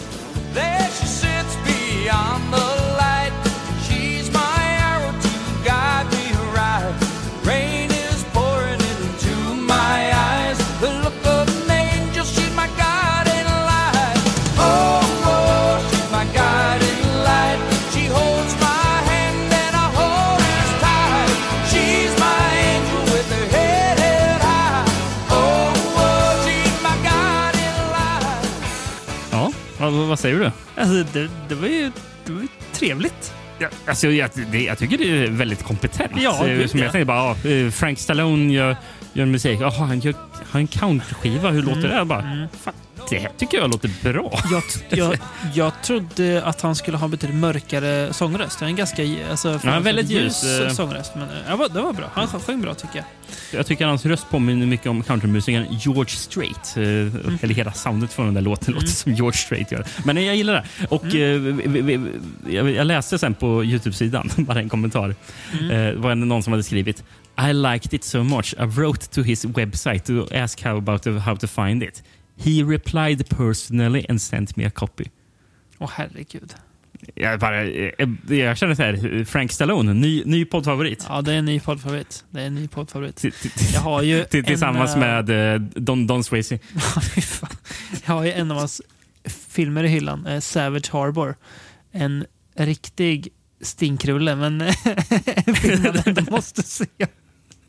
Ja, vi går vidare. Frank Stallone är i alla fall skön. Han spelar också polis. Eller han är inte så skön, hans karaktär är inte så skön och är ett jäkla as. Men eh, han, han det, är alltså... det finns ju typ inga sköna karaktärer i den här filmen. Nej, det gör inte. Det är ju typ Det är knappt. Jennifer Jason Leigh som man liksom mest tycker synd om. Mm. Eh, och den här filmen, det är inte så jättemycket erotisk i. Jag, jag, det jag tänkte mycket på det är ju att eh, jag tänkte på ett begrepp jag nyligen stötte på. Eh, Severin ska släppa en box nu som heter House of Psychotic Women. Som är Mhm. fyra, fyra filmer som då, de har ju, de har ju jobbat med en filmhistoriker som heter Kerla Janis som har skrivit lite böcker och sådär. Hon har skrivit en bok som heter House of Psychotic Women som då är ja, men typ kvinnliga neuroser på film antar jag, eh, i genrefilm. Ja. Och då tänkte jag väldigt mycket på att den här skulle kunna vara med i den boken. Eh, jag vet inte om den är det, men jag kände att ja, den skulle kunna vara med. För det är ju verkligen hennes, eh, hur hon liksom åter, gång på gång håller på att bryta samman totalt och att eh, liksom de Mm. som vill henne illa använder det mot henne. Eh, Mm, mm. och det är, hon, det är ju, som vi sa förut, Jennifer Jason Leigh väldigt bra på. Hon, jag vet inte, hon har ju något i sitt ut... Hon ser ju lite skör ut typ eh, på något vis. Så att hon, hon funkar bra att spela den här väldigt bräckliga eh, kvinnan som eh, försöker liksom stå på egna ben men kanske inte riktigt är där än. Eh, Ja, nej, men jag håller med. Uh, vet vad jag tänkte, apropå att du nämnde Argento Mm. till, eh, i i början Mm. av avsnittet. Eh, men det var någonting jag tänkte på i den här filmen. När hon väl kommer till det här, eh, så den här märkliga byggnaden där hon ska Mm. bo i. Hon ska, Mm. gå, hon ska gå igenom en korridor för att ta sig till hennes Mm. eh, rum. Eh, så bara, alltså, ljussättningen och dekoren, alltså bara, det ser ut som att hon går i en korridor i Suspiria. Mm. Alltså, det, det, det var nog väldigt så här, Dar- Dario Argento över Det är mycket, det är mycket hela, så här, hela looken. eh, Eh, Alltså, nästan halvdrömsk stämning som man inte riktigt vet hur, här, om det faktiskt händer. Och det är också hur folk beter sig. Och hon drömmer ju ofta också, eller Ja, man, man inte det. riktigt vet eh, vad, vad egentligen som sker. Nej, precis. Och det tycker jag också att musiken också bidrar till att köra så här, är det här, händer det här eller inte? Att det blir väldigt mycket så. Eh, Och det spelar ju också på hennes neuros då. Men också det att folk beter sig så himla så här märkligt mot henne bara. Så, så där borde de inte be- bete sig. De borde ju liksom hjälpa henne kanske, Mm. men det... Ja. Nej, Och så, ap ap ap ap apropå att du nämnde musiken.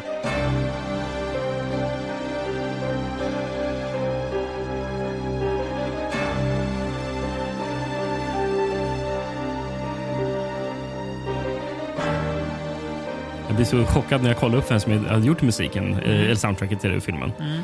Det är den här grekiske pianisten Janni. Jaha. Som mest håller väl på med den där luddiga genren world music. Det. Den luddigaste av genrer kanske. ja. Ja. Vet, vet, du vem, vet vem som garanterat har en Janni-vinyl här med? Ja, det vet ju. Vi behöver inte ens nämna hans namn. Eller hur? Nej, det är sant. Det är väldigt sant. Det, det, det har han garanterat. Ja. Ja, ja. Eh, Eh, nej, men, apropå just filmens soundtrack. Eh, Mm. för den har ju fyra låtar eh, som inte är av Janni, som Mm. spelas också i filmen. Eh, den fjärde av de här låtarna, det var ju She's My Guiding Light av Frank Stallone som du lyssnade på. Den är ju med i filmen. Mhm. Den är med alltså. För det är ju en, en scen där han sitter och spelar gitarr och sjunger som, är, som gör en på riktigt bra humör. Det är när hon kommer in på polisstationen någon gång och ska försöka prata med dem och han, han sitter och spelar gitarr och sjunger. Ja. Jag, jag, jag, jag tror det är den låten han spelar Ja, där. tror- Tror fan jag. vad Ja. härligt. Whoa,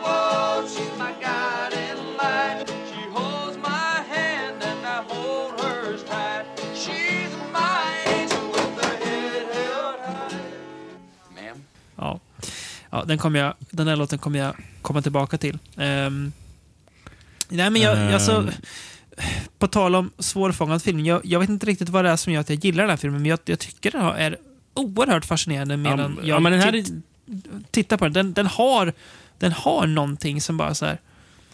Jag kan inte riktigt sätta fingret på det, men det är någonting Alltså, jag- som gör att den har, fastnar. den har, ja, men den har nog flera grejer. Alltså, dels har den stilen. Mm. Eh, och sen så har den... Alltså, mycket av filmen görs ju av eh, Jennifer Jason Leigh, tycker jag. Mm. Det alltså, Absolut. varför jag gillar filmen. Och sen så... Alltså jag, tycker den ändå, alltså jag vill ju ändå förstå vad är det som händer. Och, eh, alltså jag är intresserad av intrigen. Mm. Och att, och jag, jag är intresserad av intrigen. Jag hoppas att jag inte riktigt förstår vad som händer. Mer Precis. än uh, Crimes of Passion. Mm. För den här gillar jag mer. Mm. Jag också. Eh, här, Ehm, Det här känns mer som att den träffar med det den vill göra. Eh, Den liksom skjuter inte lika vilt heller som Crimes of Passion eh, gör. nej. Ja, jag tycker det var... Det är kul förresten. Um, um, som har skrivit manuset. Det är ju en, bekant för oss. Mhm. Eh, Everett DeRoche, som vi pratade om tre gånger när vi var nere i Australien. när vi pratade om Road Games, Patrick och Razorback som han hade skrivit. Jaha. Jag dyker Han han, han, upp igen. Okej, ja det ser man. Mm. Han åkte till, Eh. Ho- till Hollywood han också och försökte på lyckan. Eh, och samarbetar då med Matthew Chapman som har regisserat filmen. Han har ju Mm. bara regisserat fem filmer. Mm. Eh, första filmen eh, var från åt- 1980 eh, som heter Hussy med Helen Mirren i huvudroll. Mhm. Men det här, eh, jag hittade en film som han gjorde 86 som egentligen borde vara din favoritfilm. För titeln på filmen är kort och gott Slow Burn. och huvudrollen spelas av ingen mindre än Eric Roberts. Den filmen måste vi se. Vi måste ha Slow Eric Burn med. Eric Roberts. Vi måste ha ett Eric Eric Rob- Roberts-avsnitt framöver. Han är ju han är ju blivit Ja. våran, våran favorit. Nej, vi har många favoriter. Ja, han är Ja, en, en av många. Ehm, ja. Sen så såg jag bara en väldigt kul, kul trivia om Matthew Chapman. Mm. Eh, Chapman is the great great grandson of Charles Darwin. ja. Den är, det är avlägset barnbarn till Ja. Charles Darwin som har regisserat eh, Heart of Midnight från 88. Då. Kan han skryta om att pappa, eller pappa, eh, farfars farfars farfar eller vad det var, han eh, kom på det här. Ja, eh, apropå förresten med, mär- märkliga grejer. eh, P- Peter Coyote eh, spelar ju Sharp, eller Larry, som Mm. den här filmen som är han låtsas vara polis, Ja. eller vad är det han är? Ja, det vet ja, fasen eh, alltså. Ja, han, han är riktigt skum i Mm. filmen. Där han. Eh, men han försöker väl typ hjälpa Jennifer Jason Leigh. Mm. Fast det är rätt så osympatisk också. Eh, ja, man vet ja. inte riktigt var man har honom. Nej, och det, det är liksom, filmen landar heller all, aldrig riktigt i vart man har dem. Och det kan jag också Ja. gilla att den inte Nej, men för, ja, ja, precis. Eh, Ja, men det är ju också en intressant touch. Men jag, jag tänkte Peter Coyote, eh, eller Coyote, vil- vilket, eh, vilket coolt namn. Eh, Man heter egentligen Robert Peter Cohen. Men en dag eh, i sin ungdom så tog han peyote eh, och träffade anden av ett djur och såg avtryck av tassar. Eh, ett par år senare såg han poesitidningen Coyotes Journal och i den såg han samma avtryck av tassar som i sin hallucination. Efter det så efter, uppsökte han en, en shaman som pratade om, eh, pratade om hela upplevelsen och vad det kunde betyda. Och Då bytte han sitt namn till Peter Coyote. Och därför, Han, eh, han, eh, kids, ska ni aldrig ta peyote. precis. Ja, och han, han, han har ju gjort väldigt mycket skumt, den här mm. Peter Coyote. Han eh, jobbat som mimare också. Ja. Vi har ju sett en film om honom till podden. Han är ju med i Sudden Comfort. Jaha, Eh, där dyker den upp. och, alltså. och sen är han ju faktiskt med i E.T. Och, och faktiskt eh, screentesta för att spela eh, Indiana Jones. Oj. Ja. Jag kan fatta varför den, den rollen gick till någon annan istället. ja, precis. Jag, jag tror inte att han hade gjort den rollen bra alls. Nej, det tror inte jag heller. Ja, ska vi åka in på 90-talet, Rickard, kanske? Eh, Det härliga, Mm. fina 90-talet. Eh, Och besöka vår gode vän Gary Sherman, eh, känd från bland annat Dead and Buried, då, eh, som har regisserat nästa film som heter Kort och gott Lisa. Her name is Lisa. And she dialed the wrong number. Dropped my drink. Everyone was freaking out. Stop lying to me. And Richard, a, psycho, a psycho. It was great. Awesome. Fabulous. You're dead. Lisa. Don't miss it. Rated PG-13. Starts Friday, April 20th at a theater near you. Även känd som Candlelight Killer. Mm. Japan, ehm, Lisa Midnight Murder Call. Mm. Eh, Tyskland, Dödens röst. Mm. Frankrike, Mord på telefonsvarare. Ja. Och sist, Italien. Lisa, jag är här för att döda dig. Härlig titel. Annars är Lisa, tycker jag, en, en, en titel som Ja, den, den, den duger bra. gott, gör den. Ja, den funkar Mm. bra. Och det är vad den hette på den finska VHSen jag ska Åh. dra ifrån. Mm. Som är utgiven av fa Faser Video. Faser, oj. Är det... De gjorde choklad och videos. Ja, jag undrar om det är samma fas. Det hade ju varit jävligt coolt om det var. Lisas dröm går genom stadens gator. Be att han inte hittar Lisa. Catherines 14-åriga dotter Lisa drömmer om en pojkvän. Som tröst klickar tjejen på bilder på snygga killar på gatan. Den, stil... Den stilige besökaren får Lisa att bli kär. Telefonnumret är snart klart och kurragömma kan börja. För sent inser Lisa vilken som är katten, vilken som är musen. Kärleksobjektet är en psykiskt sjuk man som mördar okända kvinnor. Dessa finska VHS alltså. Klickar på snygga killar. Ja, Mm. nej men eh, precis. Eh, Det är ju lite parallell story då. Eh, mellan att den här The Candlelight Killer, som han då kallas i filmen också, mördar kvinnor och att Lisa då, eh, 14-årig tjej, hon hon är ju väldigt hugad hemma av sin mamma. Hon får ju inte göra så mycket.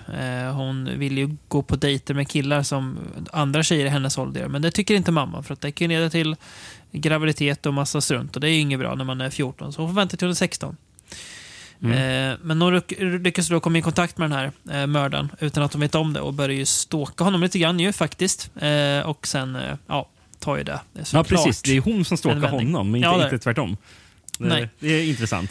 Det är väl, väldigt intressant. Jag, jag tycker också det är så intressant att uh, Stacey Keenan då, som spelar Lisa, hon gör det så himla... Jag vet inte hur gammal hon var när hon gjorde den här filmen. Eh, men hon är Jag tror så... hon var rätt så ung. Ja. Eh, Hon kanske var typ 15-16 då. Det här eller? var hennes eh, första roll. var det. Ja. Hon var så mycket som... eh, hon var 14. Ja, du ser. Men hon är Mm. väldigt bra på att förmedla det här väldigt oskyldiga och naiva hos Lisa. Att hon, hon, hon, är, hon är liksom nyfiken på den lite så här vuxna, farliga världen.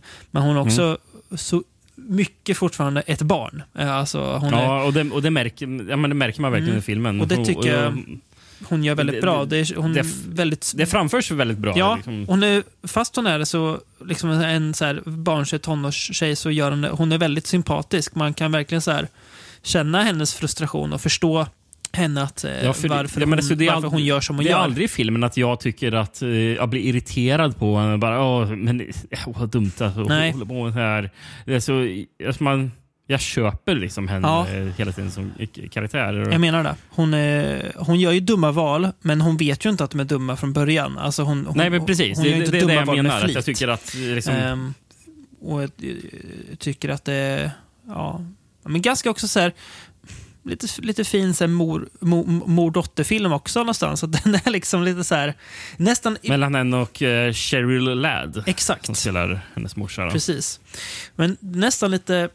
Jag sitter och tänker ibland, undrar så här, om målgruppen för den här filmen var kanske yngre. Jag kommer att tänka på att det här, nu är Lisa en mycket bättre film än den här filmen, men jag ska se om du hänger med i vad jag menar.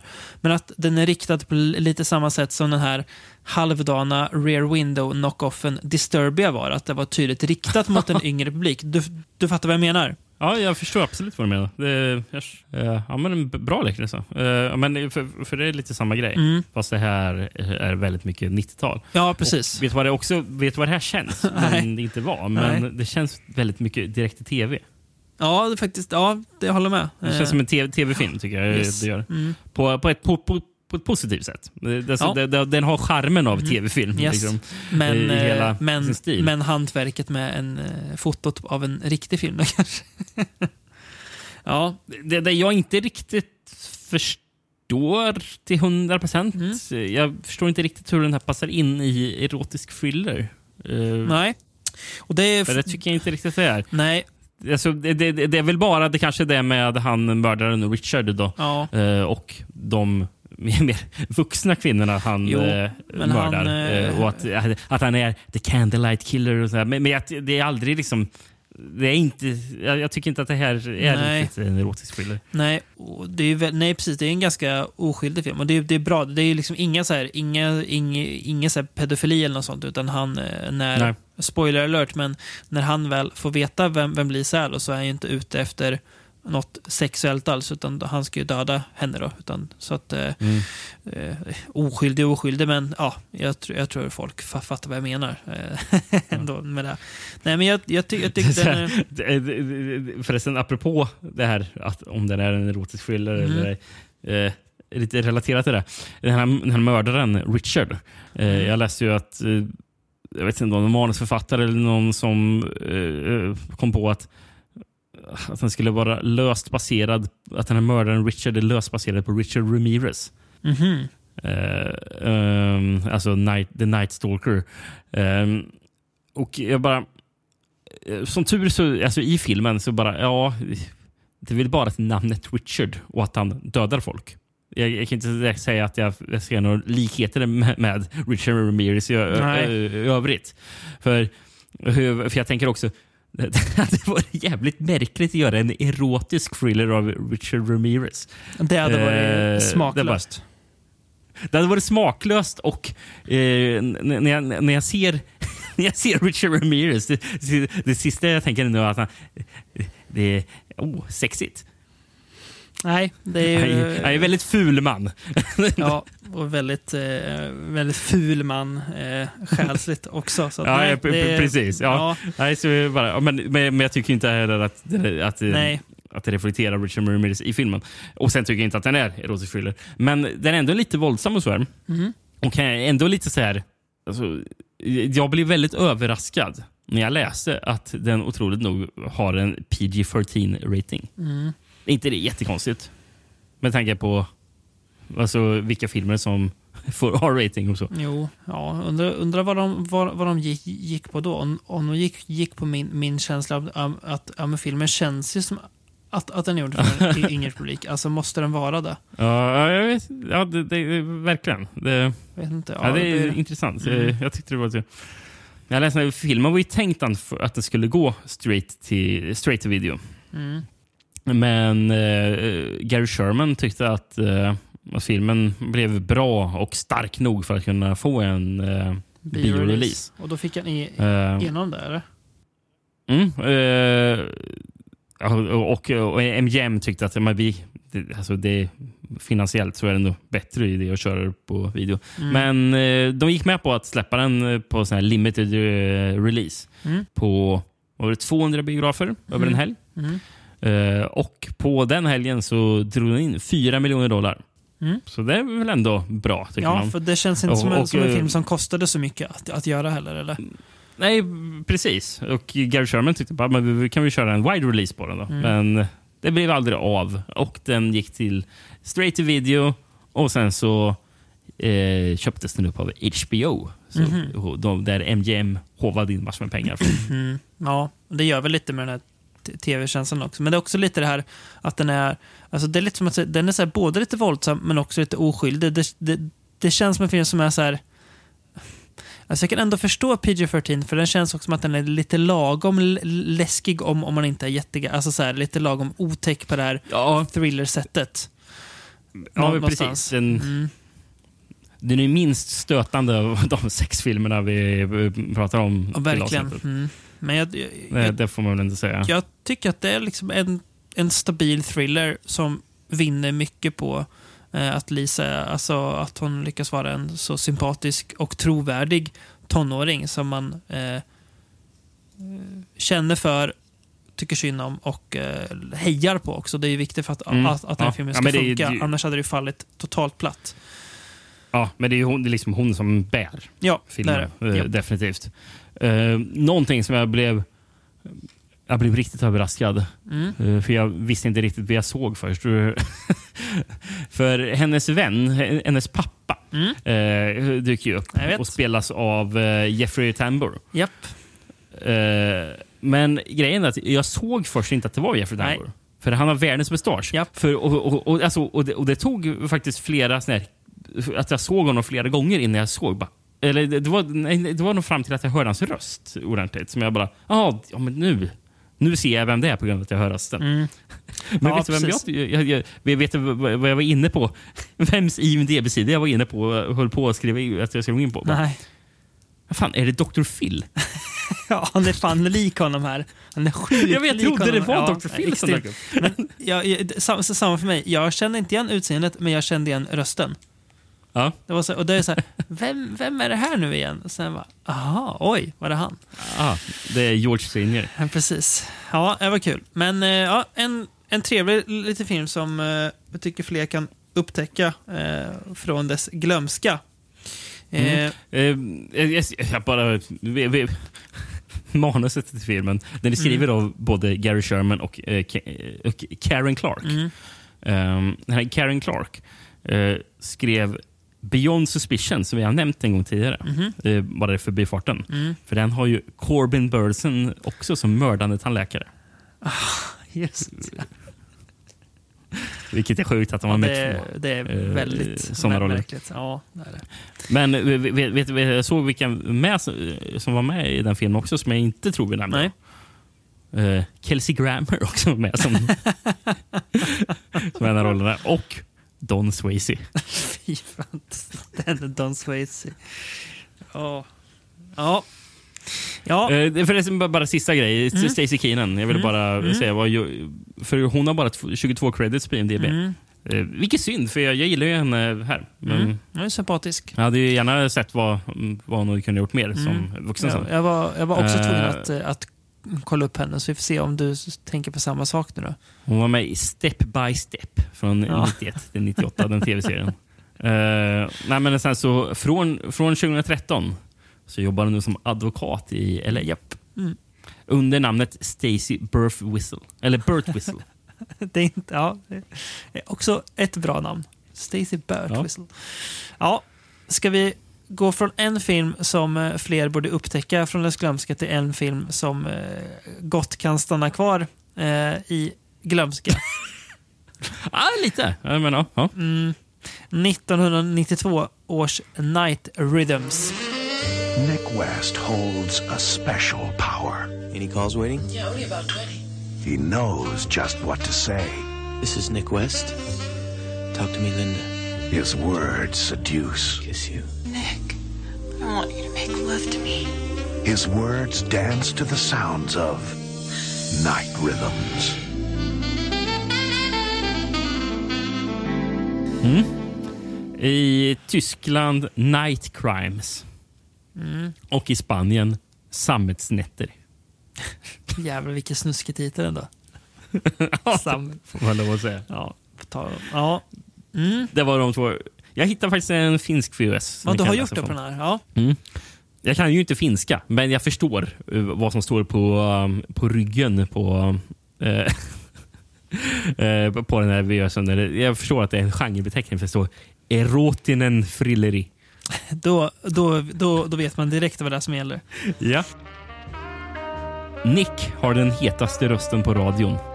Hans telefonprogram vid midnatt fungerar som en mötesplats för sexsugna kvinnor. Nick vet hur man får kvinnor att lysa. Och, och kvinnor älskar honom. Men män hatar. En kväll kommer en skamlöst vacker kvinna till radiostationen. Hon vill ge upp till Nick. Här och nu. Nick, fyll upp, Nick uppfyller hennes önskan och finner sig snart springa för sitt liv. Anklagad för mord. Ja, jo, men det, det är väl typ det den handlar om. Ehm, ja, Filmen sätter omedelbart tonen med eh, porrig saxofon. Som jo drar igång. tack. Nej, vet du vad det är som jag har skrivit? Jag skriva att, det- att det är en knullig saxofon. Ja, det, det, det, är det. är det. Är i och för sig inte långt från. Ja, det sj- sjuka med den här filmen, när jag si- si- si- sitter och kollar förtexterna, det är att det är alltså Wally Feister, som sen blev Nolans fotograf innan han bröt sig har fotat den här filmen. Jag missade det i förtexterna, så jag blev Ja. golvad när jag läste Ja. sen. Bara, Va- i vad helvete? Har han fotat det? Och det Vad gjorde han här? Ja, det, ja, det kan man undra. För det är liksom ingenting så här, nu är kanske inte Wally Feister, men ändå jobbar med storfilmer sen. Men nej, det gjorde han. Ja, det här, alltså det här är så... Det här är så jävla slisigt där, Rickard. Ja, Det är alltså, så jävla slisigt är det. här går vi en fin linje mellan erotisk thriller och ren mjukporr. Japp. Jag sa det till eh, min hustru. sa att, Det var här var en av filmerna som du fick glidningar om, eller? Nej, den här filmen missade hon faktiskt som tur var. För det här är ju, Ja, det här är ju klart som tur var, ja. Men det här känns verkligen som... Det här hade ju kunnat visas på actionsexan. Efter, efter tio.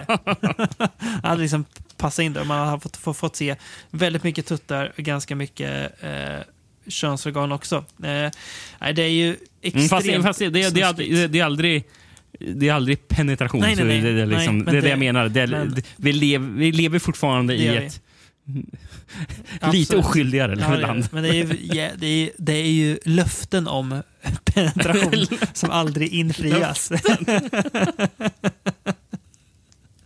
Så hade jag varit 15 och sett den här hade jag blivit lite besviken också. Jag hade ju velat, velat haft li, lite mer. ja, Ja, nej ja. men det här alltså. Jag tänker den här filmen måste ju gått direkt till video eller? Eh, ja, nej. Ja, ja, ja direkt till video. Jag ja, tänkte det- väl, fan det här kan... Och det här måste ju ha gått jäkligt bra på video för det här måste ju ha så här, hyrts av så många kåta farsor, tonårskillar, ensamma män. Så att det liksom räckte och blev över. I, Måste du- ingen kvinna har ju, har ju någonsin hyrt den här filmen. Nej, det, det, det tvivlar jag på. Den hade en riktig 10 stjärnig recension. Nej. Eh, Det var bara en som var lite så här... Ja, hu, hu. I- Eh, ironisk, den, ja. den hade, och hade ingen 9 stjärnig, men hade en 8 stjärnig som faktiskt har rubriken Actually not bad at all. Skrev man 2002. Okej. Alltså, det är så jävla många fina recensioner från just 2002 man kan hitta på IMDB. Det känns som att Ja, det, det, var, det, det var då folk skrev som mest. Ja, men alltså, det, det, alltså, då vi har kollat upp IMDB-recensioner Mm. så är det alltid en sån här kvalitetsstämpel att Mm. recensionen är tidigt 2000-tal. Japp. Eh, för det, det är liksom... Det var lite mindre ironi där. Det var Ja, lite mer genuina dårar. som- som Fina skrev. härliga dårar, ja, precis. Och det uppskattar vi. Unlike 99% of the after dark films out there, this one actually has a plot and is actually watchable without the steamy sex scenes, which are also very good. Uh, the acting is decent, the cast is not bad. David, David Carradine i parentesen skriver And the girls attractive. Pleasantly surprised. Sen är det någon, jag, jag, jag vet inte hur pass mycket han gillar filmen. Han har ändå gett en 8 av 10, men rubriken säger ju mycket ändå. Hot erotic scenes and... Eh, nej. Hot erotic scenes amid improbable plot. Ja. ja. ja. This all leads, on, leads to some great sex scenes, skriver han i andra stycket där. Så Mm. vi vet varför han gillade den här Det filmen. vet vi verkligen. Och eh, mm, regissören har ju ett jäkla namn. Alltså, jag vet att han står som Gregory Dark på Letterbox, men jag tänker ta mig tusen säga namnet han, han är credited som här och det är A. Gregory Hippolyte. sånt jävla bra namn. Hippolyte, ja. Ja, och han har ju Ja, vi- vi gjort kan ju- eh, extremt mycket snusk. Ja, det har han gjort. Och Eh, så den- det är en jäkla massa på den-. Ehm, Otroligt supermediokra neoslashern See No Evil med wrestlaren Kane. Men är det verkligen wrest- är det Ja, wrestlaren ja, Kane? Alltså? wrestlaren Eh, Kane. Spelar han inte en roll som heter Kane bara? Nej, jag, tror han är, jag tror det är wrestlaren Kane som spelar. för, nej, för jag blev så förvirrad. Eller, eller jag blev lite överraskad när jag kollade upp uh, filmen. Glenn Jacobs. Men- Fast det står Ass Kane, så han kanske var... Han kanske, hans artistnamn kanske var Kane. ja, precis. Det är det jag menar. Ja, det, ja, precis. Han var han, han, precis Kane. För jag hade fått för mig att, eh, för det stod så ofta på affischerna på den här Ja, Sino Evil, Kane. stod det Kane Ja, Sino Evil. Men, men det lät nästan som att Kane var en del i Ja. titeln. Eh, och det, det jag också var förvirrad fram, eh, till, fram till att jag nyss kollade upp. Mm. Jag hade ofta, ofta för mig att det stod Kane för att jag trodde att det var Kane Hodder som spelade huvudrollen. Det kan, det kan man tro. Vet, vet vad mördaren heter i Vet du vad mördaren heter i See No Evil? Mm, nej. Jacob Goodnight.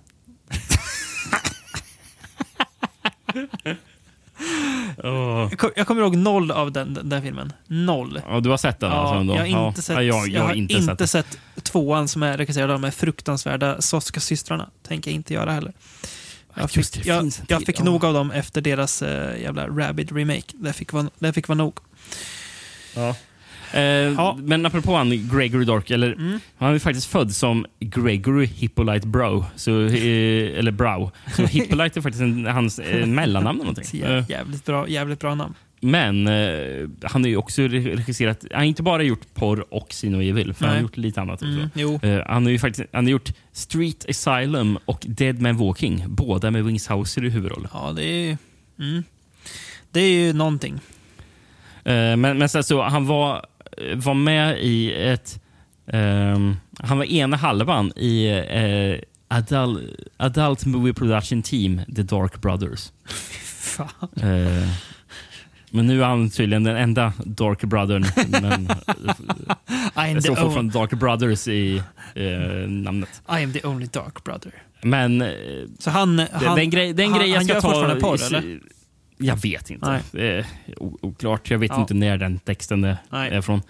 Eh, men jag ska avsluta eh, segmentet om Night Rhythms Mm. med att jag ska gå igenom Gernert Garoni Hippolyte Production som det står i början på den här filmen. Mm. Det står som produktionsbolaget. Mm. Alltså, jag kan Eh. säga, jag, jag har inte jättemycket mer att säga om den här filmen. Jag tycker den är extremt... Ja, men, kan, Jag, jag, jag, jag tycker huvudkaraktären är så jävla tråkig. Han är så jävla trä han. Martin Hewitt. Han är med i... i Martin Hewitt. Ja, Ja. fan vad trälig den är. Ja, jag, jag, jag, jag, jag, Ja, jag, tycker, alltså, jag, tycker alltså, jag tycker det är en träig film med, med mycket snusk. Mm. Och, ja, han kanske inte är jättespännande, men jag tycker inte han är fruktansvärd heller. Han, ja, jag tycker han är okej för den rollen som han ändå ska ha. Mm. Han han är ju, jag kollade upp vad han har gjort tidigare. Från 86 var han med i Killer Party, en slasher som Mm. jag inte hade hört talas om tidigare. Ehm, och bor nu tydligen i Morro Bay i Kalifornien. eh, där han har en Home Inspection soft, Software Business. Mm. Eh, håller på mycket lokal teater. Ja. Ja. Ja. Eh, och sen så dyker ju upp eh, som polis, va? Eh, Sam J. Jones, eh, mest känd för att spela Flash Gordon. Mm, precis. Inte Ehm, Flash Gordon. Inte, inte Flash Gordon tyvärr. Eh, och, och jag kollade upp honom, för han är ju också eh, så här, luddig karaktär, eh, karriär. För nu är han CEO för Inner Cordon Incorporated.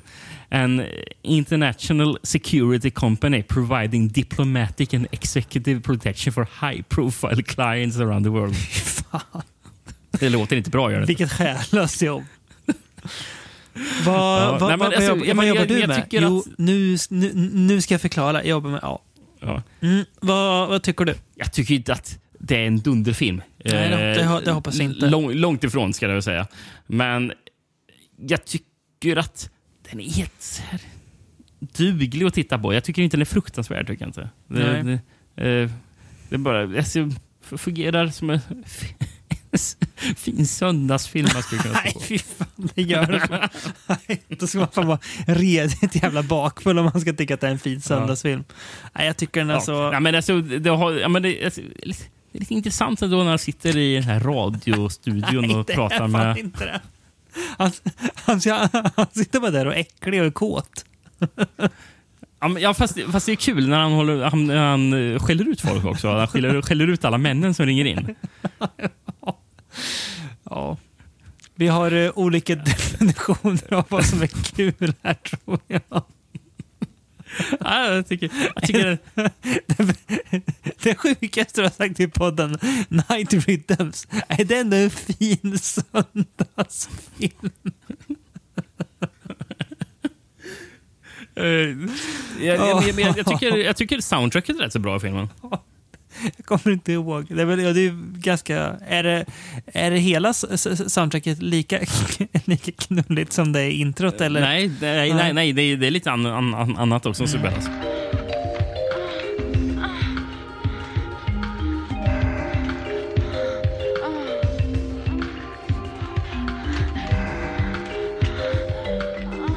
Ehm, jag kollade upp, alltså, en av mina kommentarer när jag sk- skrev, skrev ner när jag kollade på filmen var inte helt oävet soundtrack. inte helt Eh. oäven film. Funkar på en söndag. Ja. Ja, precis. Eh, soundtracket är gjort av Ashley Irvin som har gjort soundtracket till She was fair game. ja. Eh, eller det står fair game, men det är väl samma film som Ja, She det är was fair Det är game. det. Det är det. Ja, det är kul förresten att eh, 94 så, på det här programmet Joe Bobs Drive-In Theater Mm. Eh, så visar han hela den här filmen.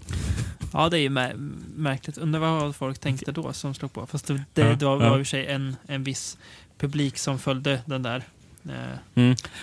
Men, men, men jag skulle komma till det jag lovade om Mm. Gernert Garoni Hippolyte Production. Det är min sista bit om den här filmen. Eh, som inte riktigt är om, om filmen, men säger någonting om, mer om det här avsnittet kanske. Men eh, för att leda in på det här. eh, Det är tre manusförfattare står det som. Mm. Den ena, eh, en som står uncredited, Mm. är Andrew W. Garoni. Som är den enda filmen han ska ha skrivit i. Mm. Han är främst producent. Jag tror han producerar filmen. Mm. Eh, men han producerade ju även första, eller originalet Maniac och Jaha. sen även remaken. Oj. Ja. Ehm, men de två, eh, som jag tror är de, de manusförfattarna som står för mesta, delen av jobbet. Mm. Som jobbade mycket med eh, Gr- Gregory Dark. Mm.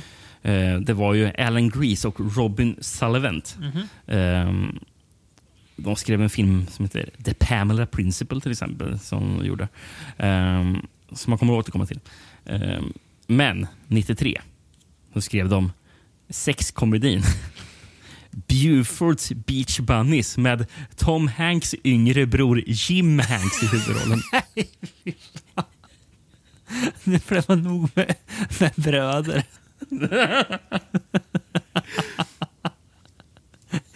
Buford's Beach Bunnies. Ja, fy fan. Ja. Nej, men, eh, eh, men i alla fall som den ena... Garoni hade ju, var han som var uncredited. Och han är ju mellannamnet i ja, produktionsbolaget Gernert Garoni Hippolyte Production. Och jag kollade upp vad, vad, vad är det här för bolag, för jag har aldrig hört talas om det. Och eh, på, in- enligt IMDB så är det 12 filmer som finns under Gernert eh, Garoni Hippolyte Production. Så jag tänkte jag ska läsa upp alla titlarna för de här 12 filmerna. Mm. För allting låter som att det passar perfekt in på den här sluttampen på den erotiska thrillern när det känns som att eh, högprofilsfilmerna har börjat försvinna. Mm, verkligen. Förvisso är det väl typ samma år som Basic Instinct, men det är ju ändå eh, det, det, det är lite mer undantag. Liksom. Ja. Det, men det, det känns så jäkla direkt till video, allt det här. Mm. Och direkt till tv kan jag tro i vissa fall också. Mm. Men eh, jag läser upp titlarna och du ska få höra lite utdrag också från handlingen. Någon mening och så. Så det- jag tycker det här summerar hela det här avsnittet på något sätt. Mm. Första film, eh, jag går i kronologisk ordning på de 12 filmerna. Let's talk about love. Eh, Night Rhythms. Animal Instincts från 92 med John Michael Vincent i huvudrollen. A cop videotapes his wife having various sexual encounters to spruce up their marriage. However, they soon land in hot water when a mobster learns of the marital activities. Det låter som en erotisk thriller. Ja, det gör det. Jag, jag tänkte, du, du, du kan ju kommentera om det låter det här som en erotisk thriller. Eh, The Pamela Principle från 92. During the holidays, Carl, who is bored of his marriage and jealous of his son's sexual escapades, soon begins an affair with 20-something aspiring actress Pamela. Låter som en erotisk thriller. Det låter erotiskt i alla fall. Mm. Eh, intressant. En uppföljare, även fast jag inte ser att de har gjort första filmen. Mirror Images 2 från 93. Um, Shannon Worry stars as Carrie and Terry, a pair of twins who were separated in youth when their father murdered their mother and was in turn killed by his own bad twin daughter. Låter som de kanske kan, kan slänga in lite erotik där också. Ja, ja. Body of Influence 93. A successful psychiatri- psychiatrist has his world turned upside down by the appearance of an erotic mystery woman who makes him prove just how far he will go for her love. Supermycket erotisk thriller. Ja. Sins of the Night från 93 med Nick Cassavetes, Miles O'Keefe och Richard Roundtree. Mm. Uh, abused wife of a mobster who runs a luxury brothel tries to get the insurance investigator hired by her ex-lover to track her down to help her kill her husband and get the insurance money. Mm. Samma där. Mm. Secret Games 2, The Escort från 93. A performance artist has an affair with a call girl and then starts having a crisis over the adultery. Instead of ending the affair, he undergoes a mass of self-analysis analysis in the style of Woody Allen's psychoanalytic panic attacks. Mhm. Men eh, ja, det har ju ändå, det låter Mm, erotiskt thriller med adultery och call girl. Liksom. Secret Games Free från 90 94. A bored housewife and feels neglected by a physician husband so she starts spending her afternoons working at an exclusive brothel. Unf- unfortunately, she becomes the obsession of a handsome but very unpleasant cus- customer. Mm. Samma där. Supererotisk thriller. Ja. Sexual Malice från 94. Nu börjar vi närma oss slutet här. Unsatisfied by her marriage, Christine begins an affair with a seductive, mysterious stranger named Quinn. But they get carried away with their passion which leads way to obsession, obsession and murder. Mm. Samma där. Sexual Outlaws från 94. the, beginning, the beginning of the movie, we meet Mitch Gaylord, a mute bum who pays prostitutes to strip so he can photograph them. A mute bum. Mm. Ja. Classy. Näst sista. 94. Seduce Me, Pamela Principle 2. Den efterlängtade uppföljaren. Ja. Ehm, Som, som Charles världen is- har längtat. Ja. Charles is bored with being a wealthy, successful architect. He takes a temporary job photographing undressed women and falls for Pamela. His wife, Elaine, has little sympathy for this midlife crisis. Verkar Om alltså två helt eh, av varandra. Det är ju olika Pamelas i båda filmerna. Eh, Ja, ja, ja, det tror jag det är helt. Det gick bara på titeln och alltså, att så många ville se en uppföljare tror jag. Eh, och sist här då. Från 95. Undercover Heat med huvudrollen uh, som spelas av Jeffrey Dean Morgan. Oj. Ja, det är ett oj. A, female cup goes undercover in a high price whorehouse to find a murderer and discovers she likes assignment more than she should. A high price whorehouse. ja, vad dumt. Ja, och det låter väl också som en erotisk Det får thriller. man säga att du gör. Det får man säga Och att du gör. det passar ju jättebra eftersom den filmen kom 95. Nu börjar vi närma oss slutet på den erotiska Ja. thrillerns era, kan vi verkligen säga. Och den sista filmen vi ska prata om i dagens avsnitt kom just 90, Mm. Precis. 95. Och vem är det då som bestämmer sig för att ge sig in i leken? Jo, mannen som gav oss Exorcisten och French Connection. William Friedkin. Jajamän. Med filmen Jade, som den heter. Kyle Medford's dead. Three lives. We got Prince and the Hatchet involved Next door neighbor saw a lot of women come over here. in a brutal murder. Freeze it right there. Endangered. Mrs. Gavin, is that you on the tape? By a shocking truth. How could you let them do this to you, Trina? It was my choice, but I didn't know Kyle was taping it. It was all right in front of me. I just didn't want to see it. Jade. I really think you know me. Better than you think. Rated R. Starts Friday, October 13th everywhere. Jade, precis. En film man har sett på VHS-hyllorna. Det har man nog gjort utan att tänka på det kanske, men ja, det har Mm. jag säkert gjort. Eh, har du någon Tre VHS titlar. här, eller? Ja, ja, titlar först. Just det. Mm. Kroatien älskar utpressning. Ja. Eh, Taiwan, Persikofälla. Okej. Ja. Mm. Och ryska. Eh, och Det här är väldigt kort och gott kan jag säga. Mm. För ja, det här är vad Google Translate gav mig rakt av.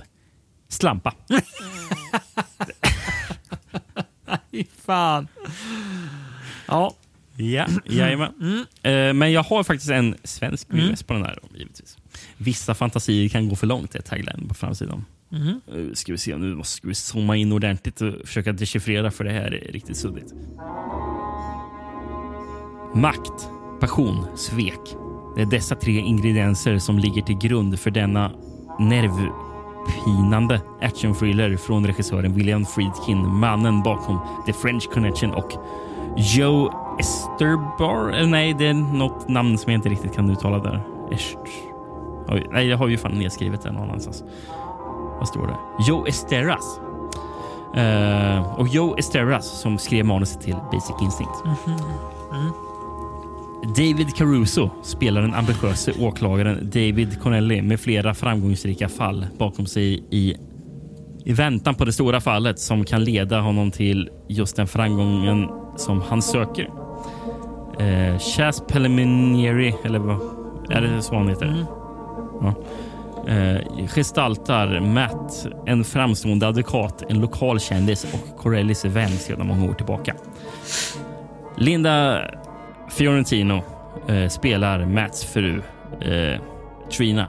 Hon är psykolog med eh, ohämmad djärvhet och är, och är kapabel till vad som helst. Kanske även att begå mord. Michael Bean dyker upp också, ska sägas, i den här filmen. Eh, Ja, jag, jag blev väldigt överraskad när jag såg Michael Mm. Bean. Eh, inte först när jag såg Michael Bean, för jag såg inte att det var Michael Bean. Nej. Men Det var, när- det var, det, jag, jag, jag, jag, jag tror att först andra scenerna dök upp, så jag bara... "Ja, Men vad fan, det där är ju Michael Bean. Det är Michael Bean, ja. Så- Känd ja, från eh, så- William Freakins Rampage. Mest känd därifrån, ja precis. Eh, nej men, det är andra gången till det avsnittet där så som en mustasch har lurat mig. Mm. För, för, för Michael Bean har ju en ordentlig mustasch Det har här, han. så, så Det det har var han väl verkligen. därför jag inte såg att det var han. Precis. Men ja, Jade. Vad tycker du? alltså, jag tycker den är lite mys. Det här är ju mer trevlig söndagstittning än vad uh, Night Rhythms är. Men det här är ju... Det är väl egentligen det också, jag håller Ja, med. Men ja. det, det, det jag främst tänker på... ehm, jag såg den här filmen först av alla Mm. eh, till avsnittet. Eh, och det här är ju den filmen som, som mest gestaltar det som jag tänker på när jag tänker Japp. erotisk Jag thriller. håller med. Jag håller med. För det här är exakt Det här jag är tänker liksom på erotisk epis, Och det, det är egentligen det här som... där man tänker på, ja. Precis, och det här är mycket mer det som vi beskrev i början av avsnittet Mm. när vi sa vad erotisk thriller är. För här har vi, det är lite så här neo-noirigt. Mm. Eh, och sen så är ju eh, då Linda Fiorentino, hon är ju väldigt tydlig femme fatale Mm. här i rollen. Och det har vi inte sett i någon av de andra filmerna vi pratar om. Nej. Och, och, och, Alltså hon tjejen som han suktar efter i uh, Buddy Double är väl lite Ja, lite, men inte, Eh, inte, på samma, inte alls på samma sätt. Nej, inte alls på det här nej. sättet. Så Nej, här är det är inte, inte som en noirfilm, men men man kan bara kan se lite likheter Mm. med det. eh, i den. Men här är det ju full on. Mm. Det är också full on 90-tal, eh, den här filmen. Dels så här, hur allt ser ut. Jag, jag, jag, jag, jag har skrivit hiskligt mycket 90-tal Mm. Väldigt mycket 90-tal i liksom kameravinklar och så. Att, att det är mycket så sneda ka- kameravinklar och så som är väldigt Ja, mycket... Dutch angles. Exakt, 90-tal. Ja, det var ju populärt då. Ja. Men sen är det ju väldigt så här, det, det jag blev överraskad över att eh, filmen har, det är, det är ju rätt ordentliga bilstunts alltså. Det är ju rätt rejäla biljakter. De är väl i San Francisco va, i filmen eller? Det är ju min eh, favoritscen i filmen. Ja. Eller bil, biljakten. Eh, grejen är att jag, jag tyckte filmen var rätt så seg. Mm. Ehm, att jag, Det kan jag köpa. Jag, bara, jag känner inte att jag bryr mig om någon av de här karaktärerna och vad som händer. Och sen kommer den här bilakten och bara, Mm. åh jäklar, Mm. är det nu filmen verkligen kommer igång? För jag har inte sett att vissa personer gillar den här Mm. filmen en del, så jag bara tänkte, är det nu? Sen bara, tycker jag att filmen går neråt igen. Jag tycker att den var väldigt svår att komma in i. Alltså, det var, alltså, det var Ja. svårt att så här. eh, Men jag tycker att det blir bättre eh, sen när han, David Caruso då, väl börjar nysta i det här. Men, Ja, jag, jag tycker fortfarande att andra halvan av filmen är bättre Ja, än första. Det, det, men det, det vi, måste, vi måste ju prata om David Caruso. So the question becomes, Alex, was the mob sent to draw us to the crime scene? Or sent to destroy it?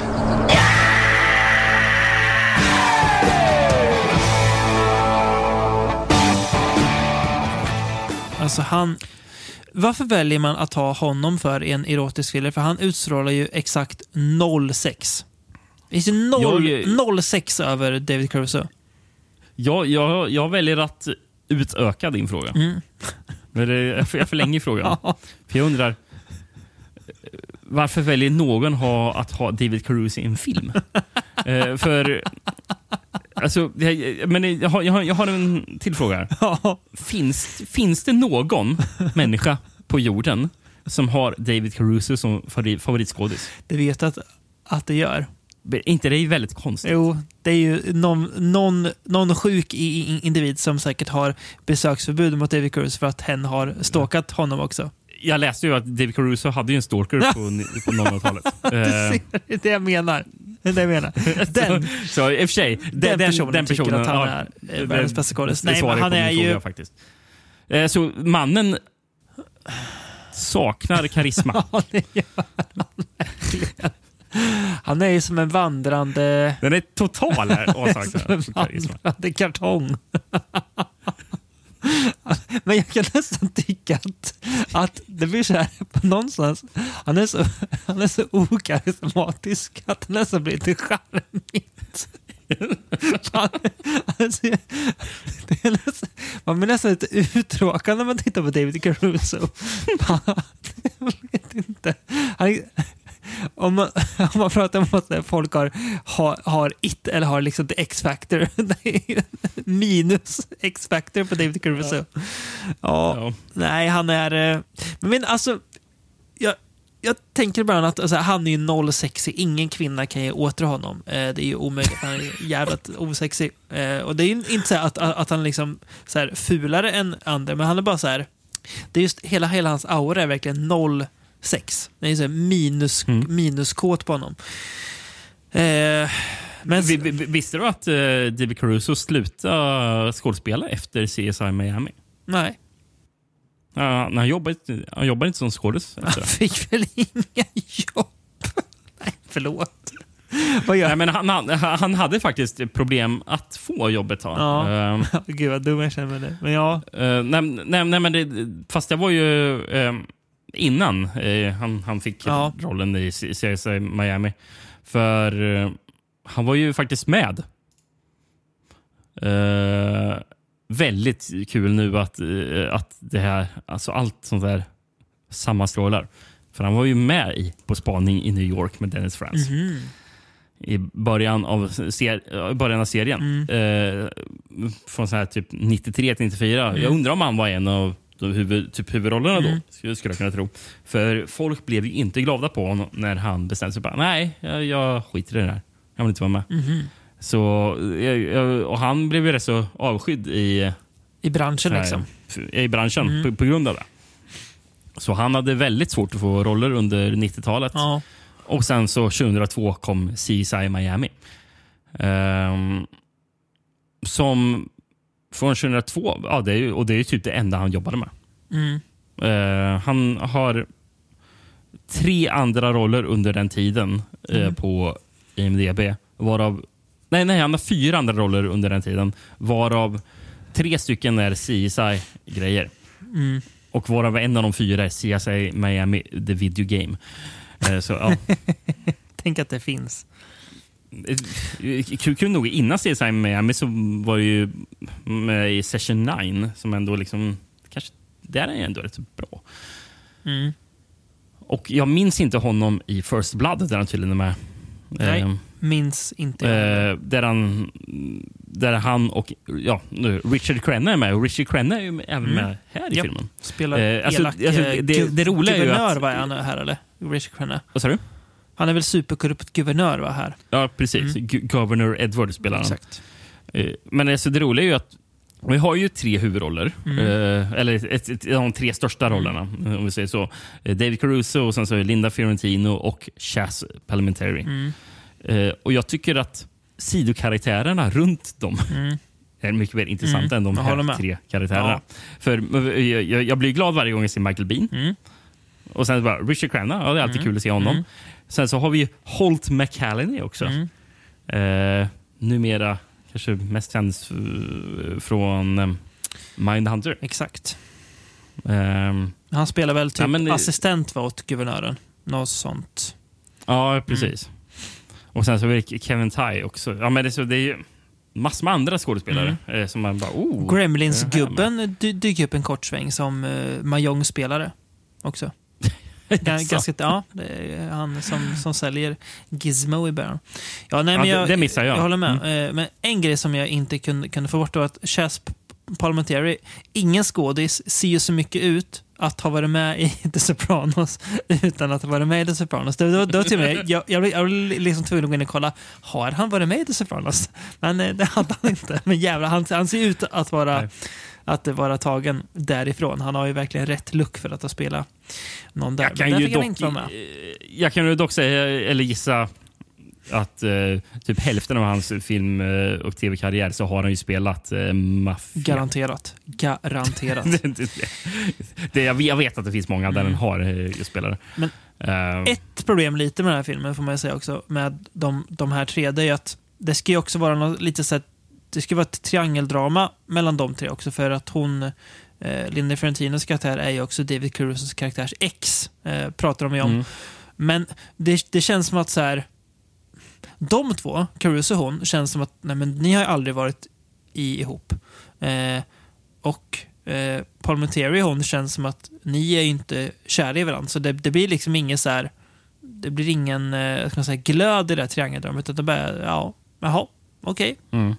Eh, mm. Nej, jag, jag, jag, jag tycker filmen saknar ju glöd. Glöd, ja. Den försöker få, få in Mm. lite sexscener för att få, Mm. åh, nu, nu ska det bli lite erotisk stämning. Men jag, jag tycker inte det här riktigt landar fullt ut. Nej. Eh, gör det inte. Det funkar verkligen Och sådär. Jag, jag, tycker, jag tycker filmen också dras ner av... Jag tycker soundtracket är väldigt svagt Mm. till filmen. Det är inget man Eh, tänker på det. Alltså inget... Nej, men, alltså, Nej. men, men ofta om det är bara... Alltså, alltså antingen är det bara oh, jag lägger märke till soundtracket för att det är riktigt bra. Mm. Eller annars bara... Det är mer ett soundtrack som bara ligger som någon slags tapet Mm, i bakgrunden mm, som jag inte precis. tänker på. Det liksom är... Men, men, men, men, men, här var det snarare, jag tänkte på soundtracket bara, det här tycker inte jag passar. Nej. Eh, det, det var, var det en, en del gånger. Och sen jag kollade upp vem som har gjort soundtracket. Det är ändå James Horner. Mm. Så Det är inget lit, okänt namn Nej. direkt. Han, han, han kanske gjorde det på en, en lat söndag. Ja, det skulle kunna vara det. Ja, jag vet inte. Mm. Eh, Den här filmen, sen, sen ju, den här filmen floppade Sen- väl rätt rejält när den kom va? precis. Vi, vi, vi kan återkomma när Ja, som helst till okej. floppen. Mm. Eh, för jag tänkte vi kan avrunda eh, just filmen och den biten. avsnittet Mm. med floppen. Mm. Det skulle vi kunna göra. Eh, men jag, jag, jag kollade upp att uh, Friedkin uh, släppte ju faktiskt två versioner av den här. Mm. Eller det, det finns en Directors Cut. Mm. Och precis som med eh, när vi pratade om Rampage Mm. så släppte han en Dirty Scut då, som har ett an- annat slut. Just det. Mm. Och jag är lite osäker på vilken film, eh, vilken av versionerna vi såg. Nej, ingen aning Ehm, heller. eh, För jag vet inte om det var Scut Nej. eller ej. Ehm, och, och tydligen, den visades på eh, Cinemax 96 redan, den här Dirty Scutten. Ja. Ehm, och den är så här, mer sex och så. Och, alltså, det är sånt som gör, gjorde att den inte skulle få en Ja, just det. NC-17-rating då, Mm. 90, Mm. eh, 95. Men manusförfattaren eh, till den här filmen, eh, han gillar inte resultatet alls. Ehm, Joe Esterhaz, som Mm. han eh, sa att han hette, som har skrivit ja, Basic Instinct enligt VS, den här VHS-baksidan. Mm. Men även tidigare nämnda Jagged Edge. Mm. Eh, Showgirls också. Mm. Så han hade två floppar under den här tiden. Mm. Eh, och eh, Basic Instinct 2. Den allmänt hyllade och älskade Basic Instinct 2. Mm. Mm. Ja, som säger, konst, konstigt att den finns. Nej, vi. väldigt konstigt att- att den finns. Fast jag upp- upptäckte något annat som är ännu konstigare att det finns. Ja. Som, jag, som jag inte visste förrän. Showgirls Visste 2 att- eller? Ja, Ja, det- 2011. Jag bara gissade. Jävlar vad sjukt. Det är ju otroligt märkligt att det Ja, finns en Showgirls 2. Det är jävligt konstigt. Ja. ja. Nej, men han, eh, han, han avskydde eh, Jade i alla fall, Mm. filmen som blev av. Mm. För han, han menar att William Friedkin ändrade hans manus Mm. otroligt mycket. Eh, och han liksom hotade till och med att han skulle ta bort sitt eget namn från eh, credits, Mm. för han var inte nöjd med det. Eh, men Paramount gick med på någon deal där Mm. han liksom fick massor med pengar och sen så var typ namnet kvar. Jag vet inte riktigt varför man gick med på det. Men, Nej, ja. Eh, men sen så Friedkin eh, gick med. Eller eh, nej, Fri- Friedkin har i efterhand erkänt att ja, jag skrev ju om typ hela manuset. Då kan man ju fatta att, man, att manusförfattaren eh, lackar ur lite grann kanske. Ja, ja och sen i, något sammanhang så har Friedkin också sagt att det här var hans favoritfilm. Det är de ju gjort. Det- det är ju- jättekonstigt sagt. Ja, är bara är han galen, Ja. vilket jag tror Freakin också är. Jag men, tror han är ganska eh, galen, ja. Härligt Mm. galen också. Ja, det, jag, jag läste 95 eh, var väl då som eh, Trial of the Century blev klar. Eh, OJ. Mm. Eh, och när det blev klart att han blev friad, eh, när han fick not guilty, Mm. eh, när han pratade med pressen, vet du vad han sa att han skulle göra? Nej. Han skulle gå och se Jade. Det är en märklig sak att säga så här i efterhand. Ja, faktiskt. Lite också med tanke på vad filmen handlar om. Ja, jag så vet. är Det är lite konstigt. Så väldigt... ja, Mm. ja. Ehm, På tal om Friedkin förresten, lite kul grej. Han, han har väl sa- sagt en gång att eh, han, gör, han gör ju inte uppföljare till filmer, för han menar ju att om en film är berättad, då är den ju, då är den ju klar där. Och av samma Mm. anledning så gör han ju, han har ju aldrig regisserat teater, för han tycker det är fullständigt idiotiskt att som skådespelare eller regissör, inte som publik, men vilja utsätta Mhm. för att berätta samma grej kväll efter kväll efter kväll. Han ser ingen mening med det. Alltså, varför, Okej. varför ska jag göra det för? Ja, om, om jag har berättat en gång så är ju, är, är ju klar.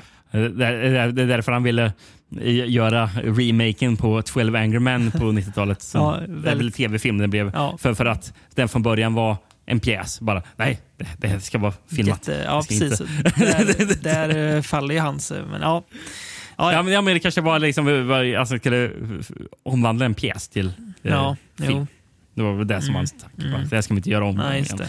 Ehm, fast det, ju- han gjorde ju om dem igen eftersom... Ja. Där redan fanns en film också. Precis. Men, ja. Eh, men, ja, men apropå filmens flopp och Mm. så. Eh, manusförfattaren gillar den inte. Eh, Michael Bean har sagt att han inte heller gillar den. Eh, han har sagt “Well, on Jade I had no idea what I was doing. I don't think anybody had any idea what they were doing. It was a Joe Esteras script.” Som, ja, Mm. kanske inte riktigt var då. Um, to me, none of it ever really made any sense. I didn't realize until the read through that I was the bad guy in it. It was like a jumbled mess and the movie came out a mess too. Han var inte nöjd. Nej. Um, Siskel Ebert uh,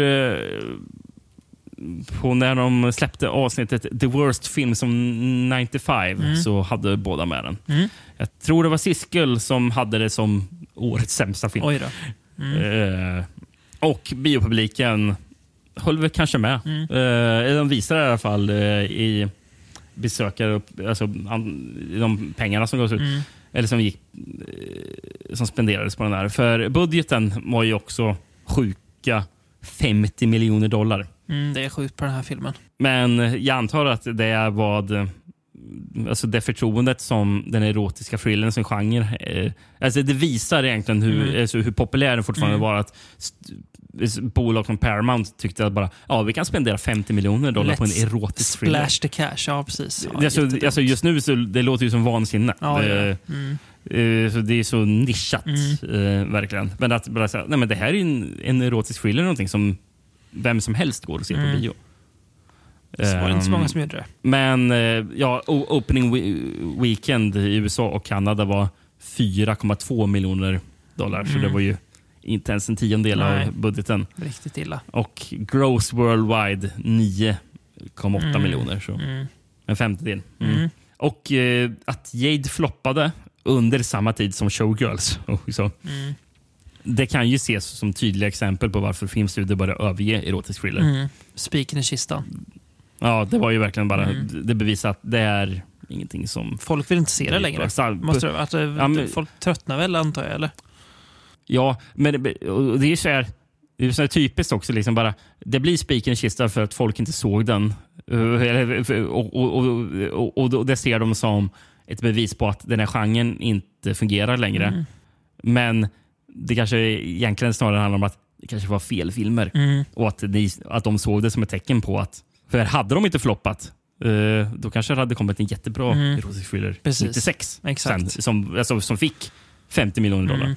i budgeten. Men Mm. nu gjordes den filmen aldrig på Nej, nej, exakt. Nej, så är det ju. Så är det alltid. Så, jag, så jag, jag, jag vet ju inte riktigt om det egentligen är att, folk, att biopubliken var trött.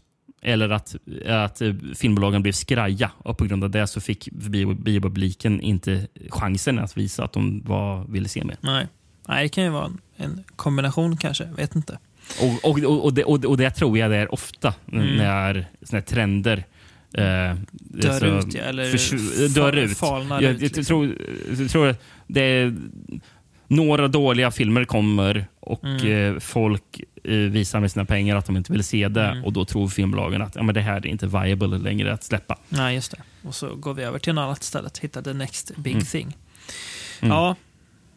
Nej, men det är som vi sa i början en intressant skala filmer här. Väldigt olika allihopa. Det är kul. Det blir ju en del snusk, eh, men framförallt väldigt mycket thriller. Eh, att vi kan väl, det finns ändå någon slags gemensam känsla i, i dem, även om de är så o, olika varandra. Eh, där vi får allt, Mm, ja. allt från Ken Russells galenskap till ja, allt däremellan nästan. Ja, men det finns en röd tråd. En väldigt luddig röd Mm. tråd, men det finns ändå en röd Det tråd. finns, det finns, den finns där någon, någonstans. Mm. Eh, nästa podd eh, kommer inte vara någon svårighet att hitta röd tråd i, för då kommer vi återvända till eh, en man som vi har eh, lyft fler, flera gånger. Eh, en av våra äl, äl- älskade serier. Åh, äntligen kommer ett nytt avsnitt av Mhm med From Beyond-podden. Ja. Vad härligt. Och Jajamän. det ser vi själva fram emot jättemycket. Det gör man alltid för de avsnitten. Det är, det är, jag, har, jag, jag har varit pepp ett halvår på det det är avsnittet, typ de, det- de så här, godaste avsnitten att, att ge sig in i. Mm, ja, Och det, jag är och, och det kan säga, det, det, är in, det är inte shot on video. Vi hade ju kunnat sitta och säga och det, det, här, det här är till och med liksom mer, mer goigt än det. Och då förstår ni, Ja, det, oj oj oj. Ja, det är det en person vi söker också. Det är det, precis. I, Ni- i, i, i, och det är inte mannen shot on video. Nej, tyvärr inte. Han, han, han, han återkommer till i ett annat. Ja, nej, men eh, tack för att ni har stått ut med det här något luddiga men goiga avsnittet. Det lär väl inte bli ett av våra mest lyssnade, men ni som har hängt med ända hit, eh, vi älskar er förbehållningslöst. Kanske jag har lite svårt lite. att se vet du, där, hur svenska eh, eller ja, svenska befolkningen, jag på säga. Den del av svenska befolkningen som lyssnar på vår podd eh, känner för den här genren. Ja, Ja. Det är svårt att veta. Ni får gärna Mm. hojta till och höra av er med vad ni tycker och tänker kring den. Det vore spännande att höra. Men eh, ja, vi vet i alla fall att vi är många som tycker om mannen vi ska diskutera om ett par veckor. Där. Så att vi, vi säger väl på återhörande, säger man inte, men vi säger det nu. Så hörs vi då.